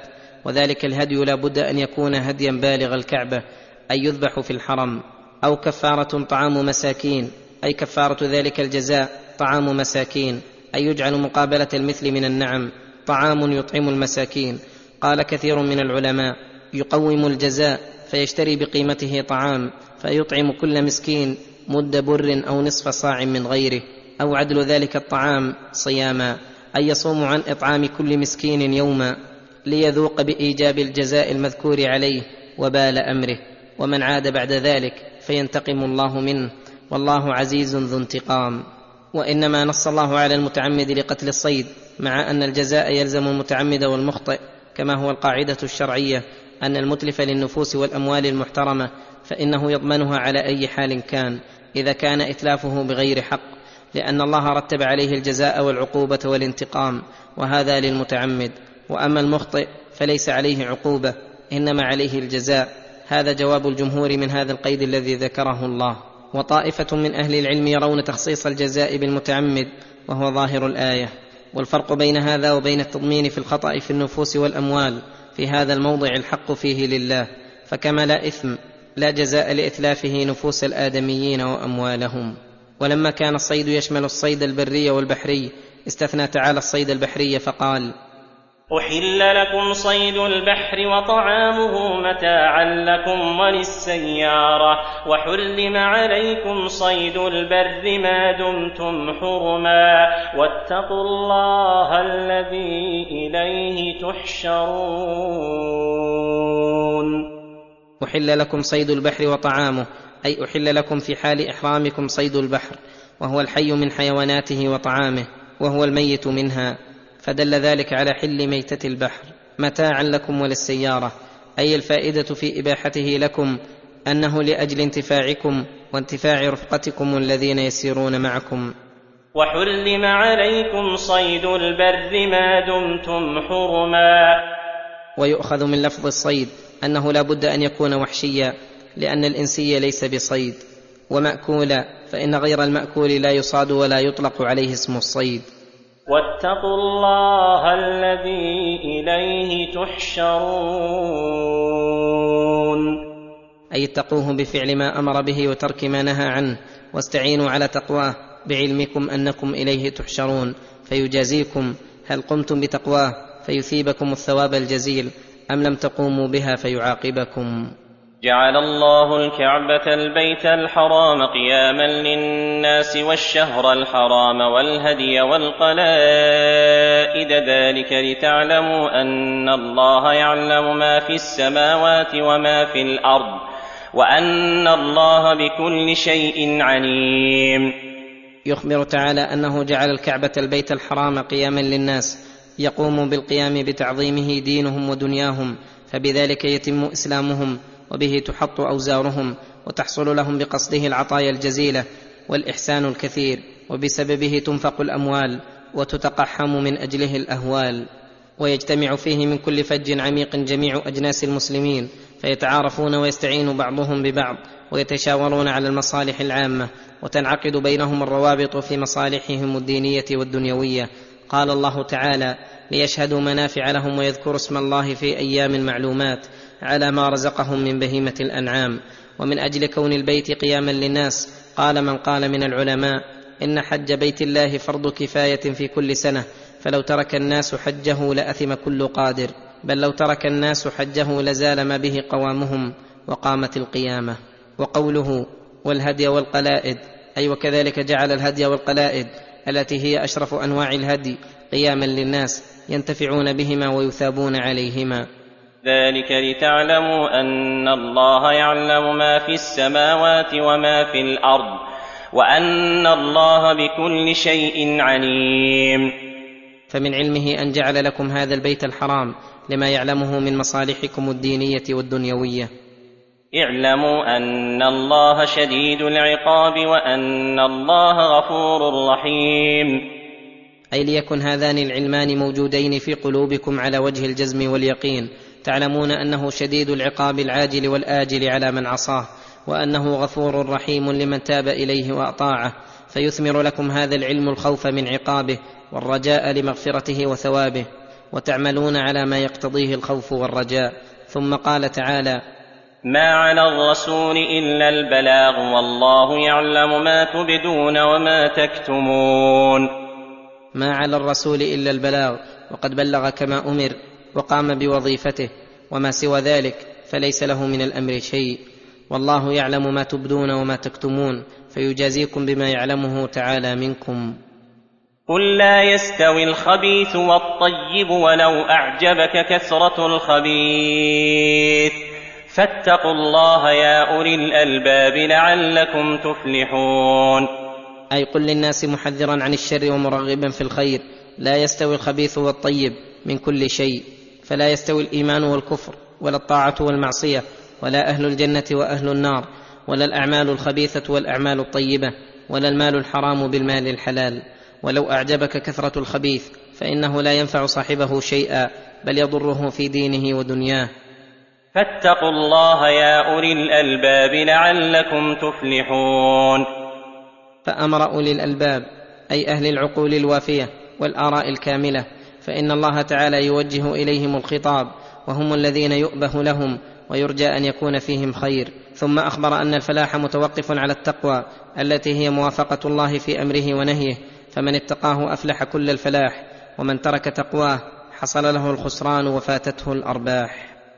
يا أيها الذين آمنوا لا تسألوا عن أشياء إن تبد لكم تسؤكم وإن تسألوا عنها حين ينزل القرآن تبد لكم عفى الله عنها والله غفور حليم. ينهى عباده المؤمنين عن سؤال الأشياء التي إذا بينت لهم ساءتهم وأحزنتهم وذلك كسؤال بعض المسلمين لرسول الله صلى الله عليه وسلم عن آبائهم. وعن حالهم في الجنة أو النار فهذا ربما أنه لو بين للسائل لم يكن له فيه خير.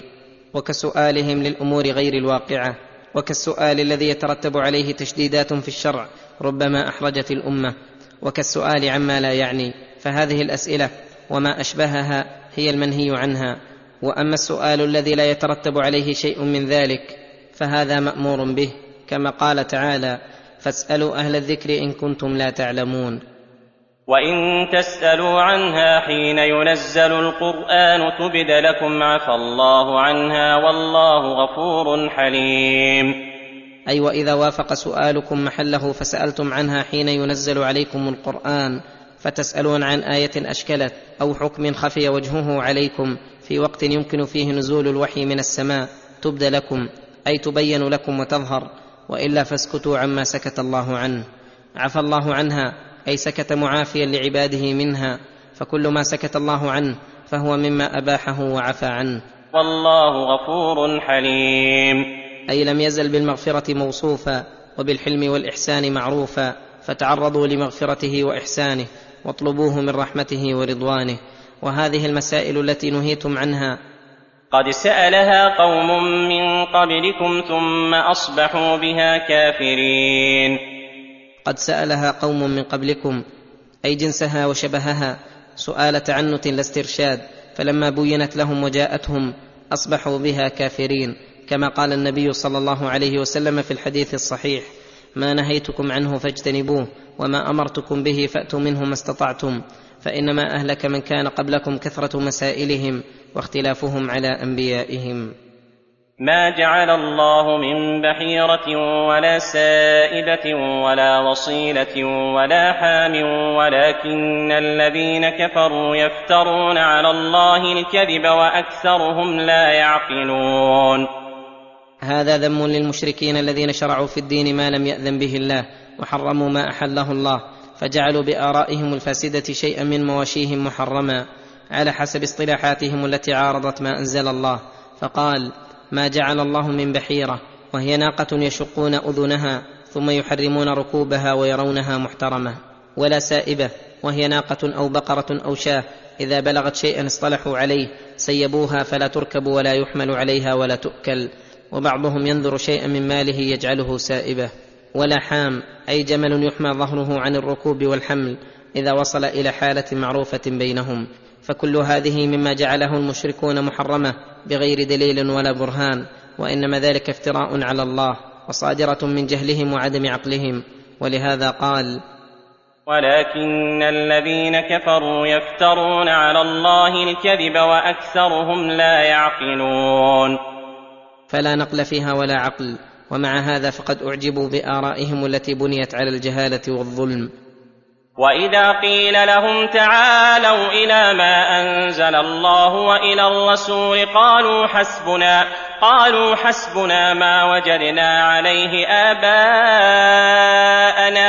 اولو كان اباؤهم لا يعلمون شيئا ولا يهتدون. فاذا دعوا إلى ما انزل الله والى الرسول اعرضوا فلم يقبلوا وقالوا حسبنا ما وجدنا عليه اباءنا.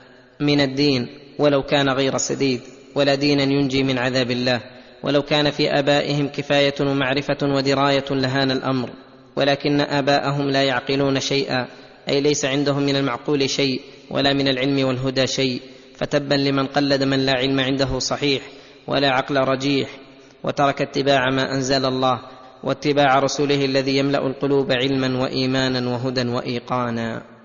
يا أيها الذين آمنوا عليكم أنفسكم لا يضركم من ضل إذا اهتديتم إلى الله مرجعكم جميعا إلى الله مرجعكم جميعا فينبئكم بما كنتم تعملون. يقول تعالى يا أيها الذين آمنوا عليكم أنفسكم أي اجتهدوا في إصلاحها وكمالها وإلزامها سلوك الصراط المستقيم فإنكم إذا صلحتم لا يضركم من ضل عن الصراط المستقيم ولم يهتدي إلى الدين القويم وإنما يضر نفسه. ولا يدل هذا على أن الأمر بالمعروف والنهي عن المنكر لا يضر العبد تركهما وإهمالهما فإنه لا يتم هداه إلا بالإتيان بما يجب عليه من الأمر بالمعروف والنهي عن المنكر. نعم إذا كان عاجزا عن إنكار المنكر بيده ولسانه وأنكره بقلبه فإنه لا يضره ضلال غيره. وقوله إلى الله مرجعكم جميعا فينبئكم بما كنتم تعملون. إلى الله مرجعكم جميعا أي مآلكم يوم القيامة واجتماعكم بين يدي الله تعالى فينبئكم بما كنتم تعملون من خير وشر. يا أيها الذين آمنوا شهادة بينكم إذا حضر أحدكم الموت حين الوصية اثنان ذوى ذوى عدل منكم أو آخران من غيركم إن أنتم ضربتم في الأرض فأصابتكم مصيبة الموت. تحبسونهما من بعد الصلاة فيقسمان بالله. إن ارتبتم لا نشتري به ثمنا ولو كان ذا قربى. ولا نكتم شهادة الله. إنا إذا لمن الآثمين. يخبر تعالى خبرا متضمنا للأمر بإشهاد اثنين على الوصية. إذا حضر الإنسان مقدمات الموت وعلائمه فينبغي له أن يكتب وصيته. ويشهد عليها اثنين ذوي عدل ممن تعتبر شهادتهما أو آخران من غيركم أي من غير أهل دينكم من اليهود أو النصارى أو غيرهم وذلك عند الحاجة والضرورة وعدم غيرهما من المسلمين. إن أنتم ضربتم في الأرض أي سافرتم فيها فأصابتكم مصيبة الموت أي فأشهدوهما ولم يأمر بشهادتهما إلا لأن قولهما في تلك الحال مقبول ويؤكد عليهما بأن يحبسا من بعد الصلاة التي يعظمونها فيقسمان بالله أنهما صدقا وما غيرا ولا بدلا. هذا إن ارتبتم في شهادتهما فإن صدقتموهما فلا حاجة إلى القسم بذلك. ويقولان لا نشتري به أي بأيماننا ثمنا بأن نكذب فيها لأجل عرض من الدنيا ولو كان ذا قربى فلا نراعيه لأجل قربه منا. ولا نكتم شهادة الله بل نؤديها على ما سمعناها إنا اذا أي إن كتمناها لمن الآثمين. فإن عثر على أنهما استحقا إثما فآخران يقومان مقامهما من الذين استحق عليهم الأوليان. فإن عثر على أنهما أي الشاهدين استحقا إثما بأن وجد من القرائن ما يدل على كذبهما وأنهما خانا. فآخران يقومان مقامهما من الذين استحق عليهم الأوليان. أي فليقم رجلان من أولياء الميت وليكونا من أقرب الأولياء إليه. فيقسمان بالله لشهادتنا أحق من شهادتهما وما اعتدينا إنا إذا لمن الظالمين. فيقسمان بالله لشهادتنا أحق من شهادتهما أي أنهما كذبا وغيرا وخانا وما اعتدينا إنا اذا لمن الظالمين أي إن ظلمنا واعتدينا وشهدنا بغير الحق. قال الله تعالى في بيان حكمة تلك الشهادة وتأكيدها وردها على أولياء الميت حين تظهر من الشاهدين الخيانة. ذلك أدنى أن يأتوا بالشهادة على وجهها أو يخافوا أن ترد أيمان بعد أيمانهم. واتقوا الله واسمعوا والله لا يهدي القوم الفاسقين. ذلك أدنى أي أقرب أن يأتوا بالشهادة على وجهها حين تؤكد عليهم تلك التأكيدات أو يخافوا أن ترد أيمان بعد أيمانهم أي لا تقبل أيمانهم ثم ترد على أولياء الميت. والله لا يهدي القوم الفاسقين أي الذين وصفهم الفسق فلا يريدون الهدى والقصد إلى الصراط المستقيم. وحاصل هذا أن الميت إذا حضره الموت في سفر ونحوه مما هو مظنة قلة الشهود المعتبرين أنه ينبغي أن يوصي شاهدين مسلمين عدلين فإن لم يجد إلا شاهدين كافرين جاز أن يوصي إليهما ولكن لأجل كفرهما فإن الأولياء إذا ارتابوا بهما فإنهم يحلفونهما بعد الصلاة أنهما ما خانا ولا كذبا ولا غيرا ولا بدلا فيبرآن بذلك من حق يتوجه إليهما. فإن لم يصدقوهما ووجدوا قرينة تدل على كذب الشاهدين فإن شاء أولياء الميت فليقم منهم اثنان. فيقسمان بالله لشهادتهما أحق من شهادة الشاهدين الأولين وأنهما خانا وكذبا فيستحقون منهما ما يدعون. وهذه الآيات الكريمة نزلت في قصة تميم الداري وعدي بن بداء المشهورة حين أوصى لهما العدوي والله أعلم. ويستدل بالآيات الكريمات على عدة أحكام منها أن الوصية مشروعة وأنه ينبغي لمن حضره الموت أن يوصي ومنها أنها معتبرة. ولو كان الإنسان وصل إلى مقدمات الموت وعلاماته ما دام عقله ثابتا ومنها أن شهادة الوصية لا بد فيها من اثنين عدلين ومنها أن شهادة الكافرين في هذه الوصية ونحوها مقبولة لوجود الضرورة وهذا مذهب الإمام أحمد. وزعم كثير من أهل العلم أن هذا الحكم منسوخ وهذه دعوى لا دليل عليها. ومنها أنه ربما استفيد من تلميح الحكم ومعناه أن شهادة الكفار عند عدم غيرهم حتى في غير هذه المسألة مقبولة كما ذهب إلى ذلك شيخ الإسلام ابن تيمية. ومنها جواز سفر المسلم مع الكافر إذا لم يكن محذور. ومنها جواز السفر للتجارة. ومنها أن الشاهدين إذا ارتيب منهما ولم تبد قرينة تدل على خيانتهما وأراد الأولياء أن يؤكدوا عليهم اليمين ويحبسوهما من بعد الصلاة فيقسمان بصفة ما ذكر الله تعالى. ومنها أنه إذا لم تحصل تهمة ولا ريب لم يكن حاجة إلى حبسهما وتأكيد اليمين عليهما. ومنها تعظيم أمر الشهادة حيث أضافها تعالى إلى نفسه وأنه يجب الاعتناء بها والقيام بها بالقسط. ومنها أنه يجوز امتحان الشاهدين عند الريبة منهما وتفريقهما لينظر عن شهادتهما. ومنها أنه إذا وجدت القرائن الدالة على كذب الوصيين في هذه المسألة قام اثنان من أولياء الميت فاقسما بالله أن أيماننا أصدق من أيمانهما ولقد خانا وكذبا ثم يدفع إليهما ما ادعياه فتكون القرينة مع أيمانهما قائمة مقام البينة. يوم يجمع الله الرسل فيقول ماذا أجبتم؟ قالوا لا علم لنا إنك أنت علام الغيوب.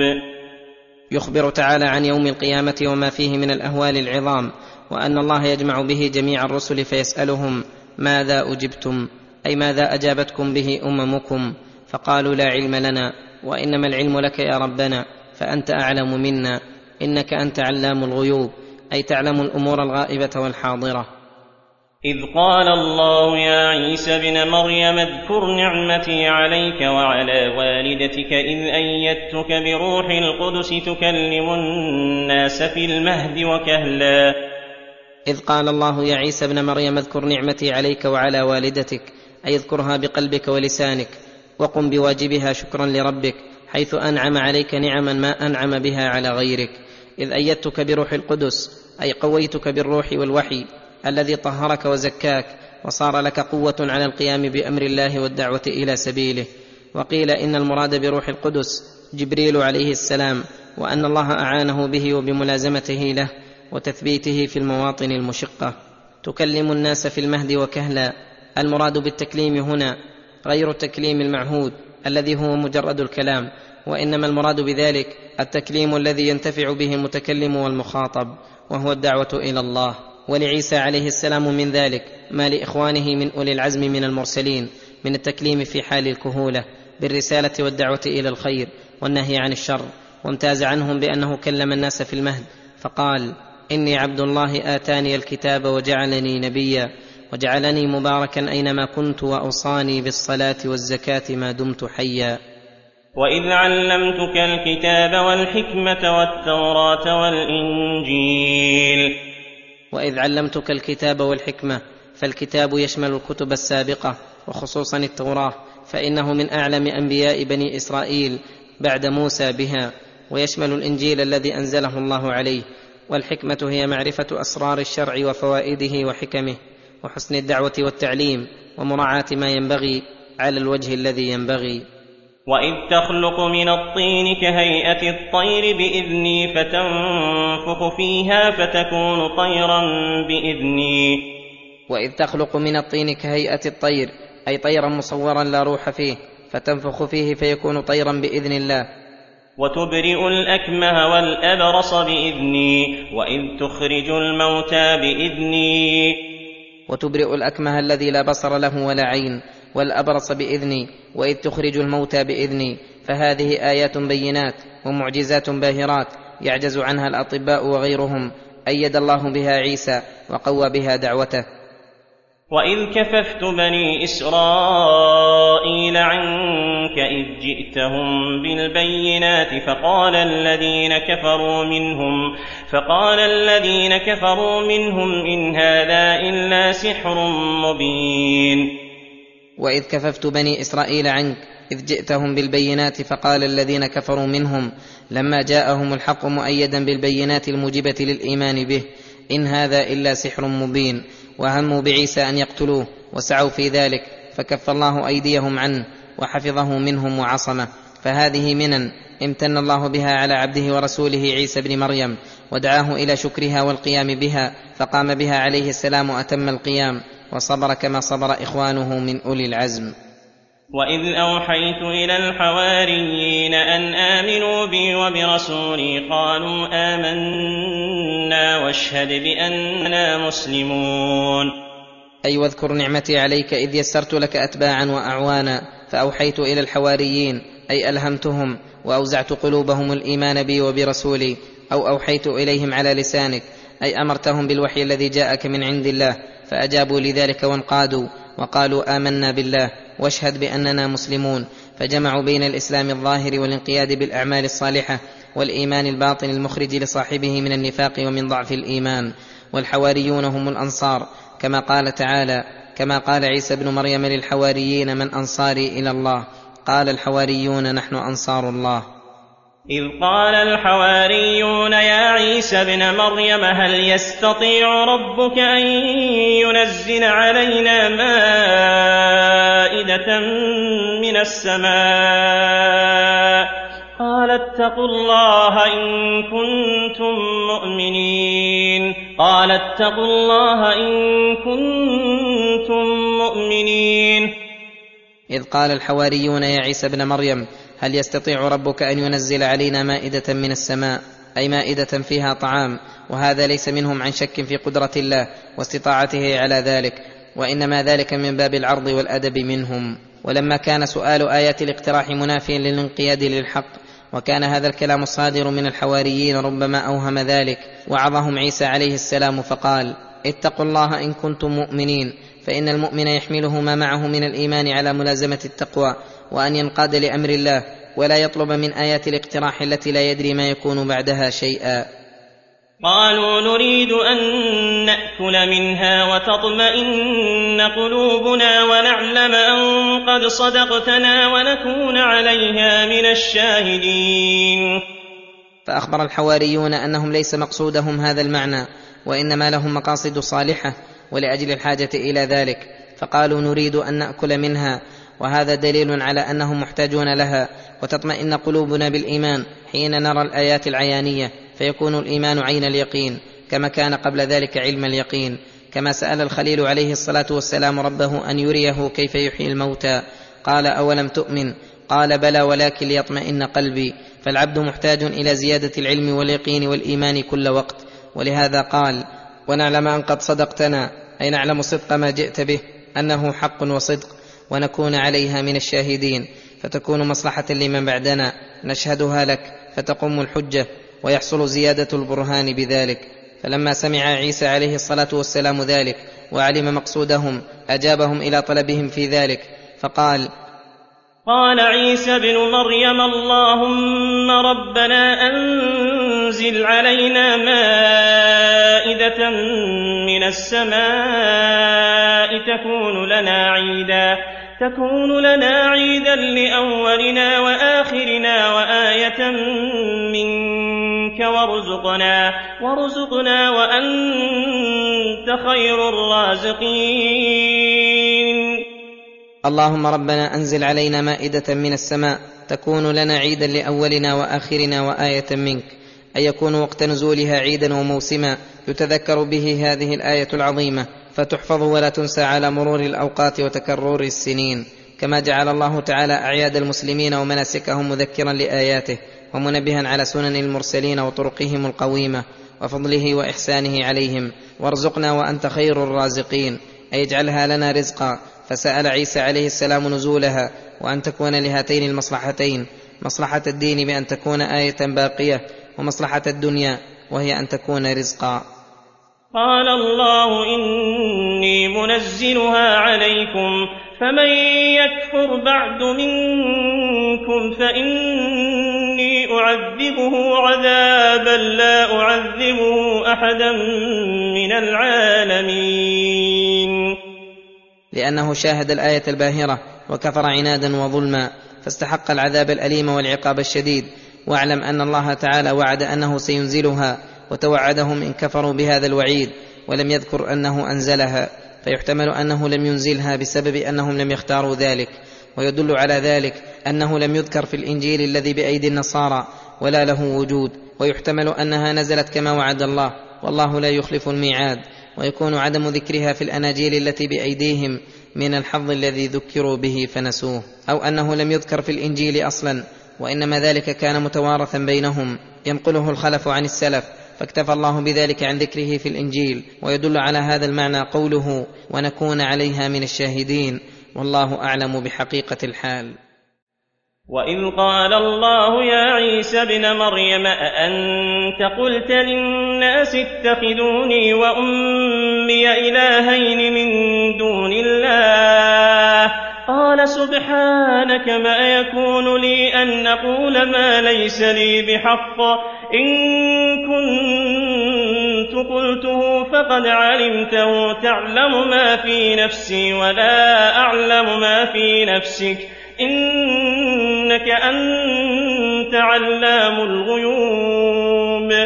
وإذ قال الله يا عيسى ابن مريم أأنت قلت للناس اتخذوني وأمي إلهين من دون الله؟ وهذا توبيخ للنصارى الذين قالوا إن الله ثالث ثلاثة فيقول الله هذا الكلام لعيسى فيتبرأ عيسى ويقول سبحانك عن هذا الكلام القبيح وعما لا يليق بك ما يكون لي أن أقول ما ليس لي بحق أي ما ينبغي لي ولا يليق أن أقول شيئا ليس من أوصافي ولا من حقوقي فإنه ليس أحد من المخلوقين لا الملائكة المقربون ولا الأنبياء المرسلون ولا غيرهم له حق ولا استحقاق لمقام الإلهية وإنما الجميع عباد مدبرون وخلق مسخرون وفقراء عاجزون. إن كنت قلته فقد علمته تعلم ما في نفسي ولا أعلم ما في نفسك فأنت أعلم بما صدر مني وأنت علام الغيوب. وهذا من كمال أدب المسيح عليه الصلاة والسلام في خطابه لربه. فلم يقل عليه السلام لم أقل شيئا من ذلك. وإنما أخبر بكلام ينفي عن نفسه أن يقول كل مقالة تنافي منصبه الشريف وأن هذا من الأمور المحالة ونزه ربه عن ذلك أتم تنزيه ورد العلم إلى عالم الغيب والشهادة ثم صرح بذكر ما أمر به بني إسرائيل فقال ما قلت لهم إلا ما أمرتني به أن اعبدوا الله ربي وربكم وكنت عليهم شهيدا ما دمت فيهم فلما توفيتني كنت أنت الرقيب عليهم وأنت على كل شيء شهيد. ما قلت لهم إلا ما أمرتني به فأنا عبد متبع لأمرك لا متجرئ على عظمتك. أن اعبدوا الله ربي وربكم أي ما أمرتهم إلا بعبادة الله وحده وإخلاص الدين له المتضمن للنهي عن اتخاذي وأمي إلهين من دون الله وبيان أني عبد مربوب فكما أنه ربكم فهو ربي. وكنت عليهم شهيدا ما دمت فيهم أشهد على من قام بهذا الأمر ممن لم يقم به. فلما توفيتني كنت أنت الرقيب عليهم. أي المطلع على سرائرهم وضمائرهم وأنت على كل شيء شهيد علما وسمعا وبصرا فعلمك قد أحاط بالمعلومات وسمعك بالمسموعات وبصرك بالمبصرات فأنت الذي تجازي عبادك بما تعلمه فيهم من خير وشر. إن تعذبهم فإنهم عبادك. وإن تغفر لهم فإنك أنت العزيز الحكيم إن تعذبهم فإنهم عبادك وإن تغفر لهم فإنك أنت العزيز الحكيم ان تعذبهم فانهم عبادك وانت ارحم بهم من انفسهم واعلم باحوالهم فلولا أنهم عباد متمردون لم تعذبهم وإن تغفر لهم فإنك أنت العزيز الحكيم. أي فمغفرتك صادرة عن تمام عزة وقدرة لا كمن يغفر ويعفو عن عجز وعدم قدرة. الحكيم حيث كان من مقتضى حكمتك أن تغفر لمن أتى بأسباب المغفرة. قال الله هذا يوم الصادقين صدقهم لهم جنات تجري من تحتها الأنهار خالدين فيها أبدا خالدين فيها أبدا. رضي الله عنهم ورضوا عنه. ذلك الفوز العظيم. قال الله مبينا لحال عباده يوم القيامة ومن الفائز منهم ومن الهالك ومن الشقي ومن السعيد. هذا يوم ينفع الصادقين صدقهم. والصادقون هم الذين استقامت أعمالهم وأقوالهم ونياتهم على الصراط المستقيم والهدى القويم. فيوم القيامة يجدون ثمرة ذلك الصدق. إذا أحلهم الله في مقعد صدق عند مليك مقتدر. ولهذا قال لهم جنات تجري من تحتها الأنهار خالدين فيها أبدا. رضي الله عنهم ورضوا عنه. ذلك الفوز العظيم. والكاذبون بضدهم. سيجدون ضرر كذبهم وافترائهم. وثمرة أعمالهم الفاسدة. لله ملك السماوات والأرض وما فيهن وهو على كل شيء قدير. لله ملك السماوات والأرض لأنه الخالق لهما والمدبر لذلك بحكمه القدري وحكمه الشرعي وحكمه الجزائي. ولهذا قال وهو على كل شيء قدير فلا يعجزه شيء بل جميع الأشياء منقادة لمشيئته ومسخرة بأمره.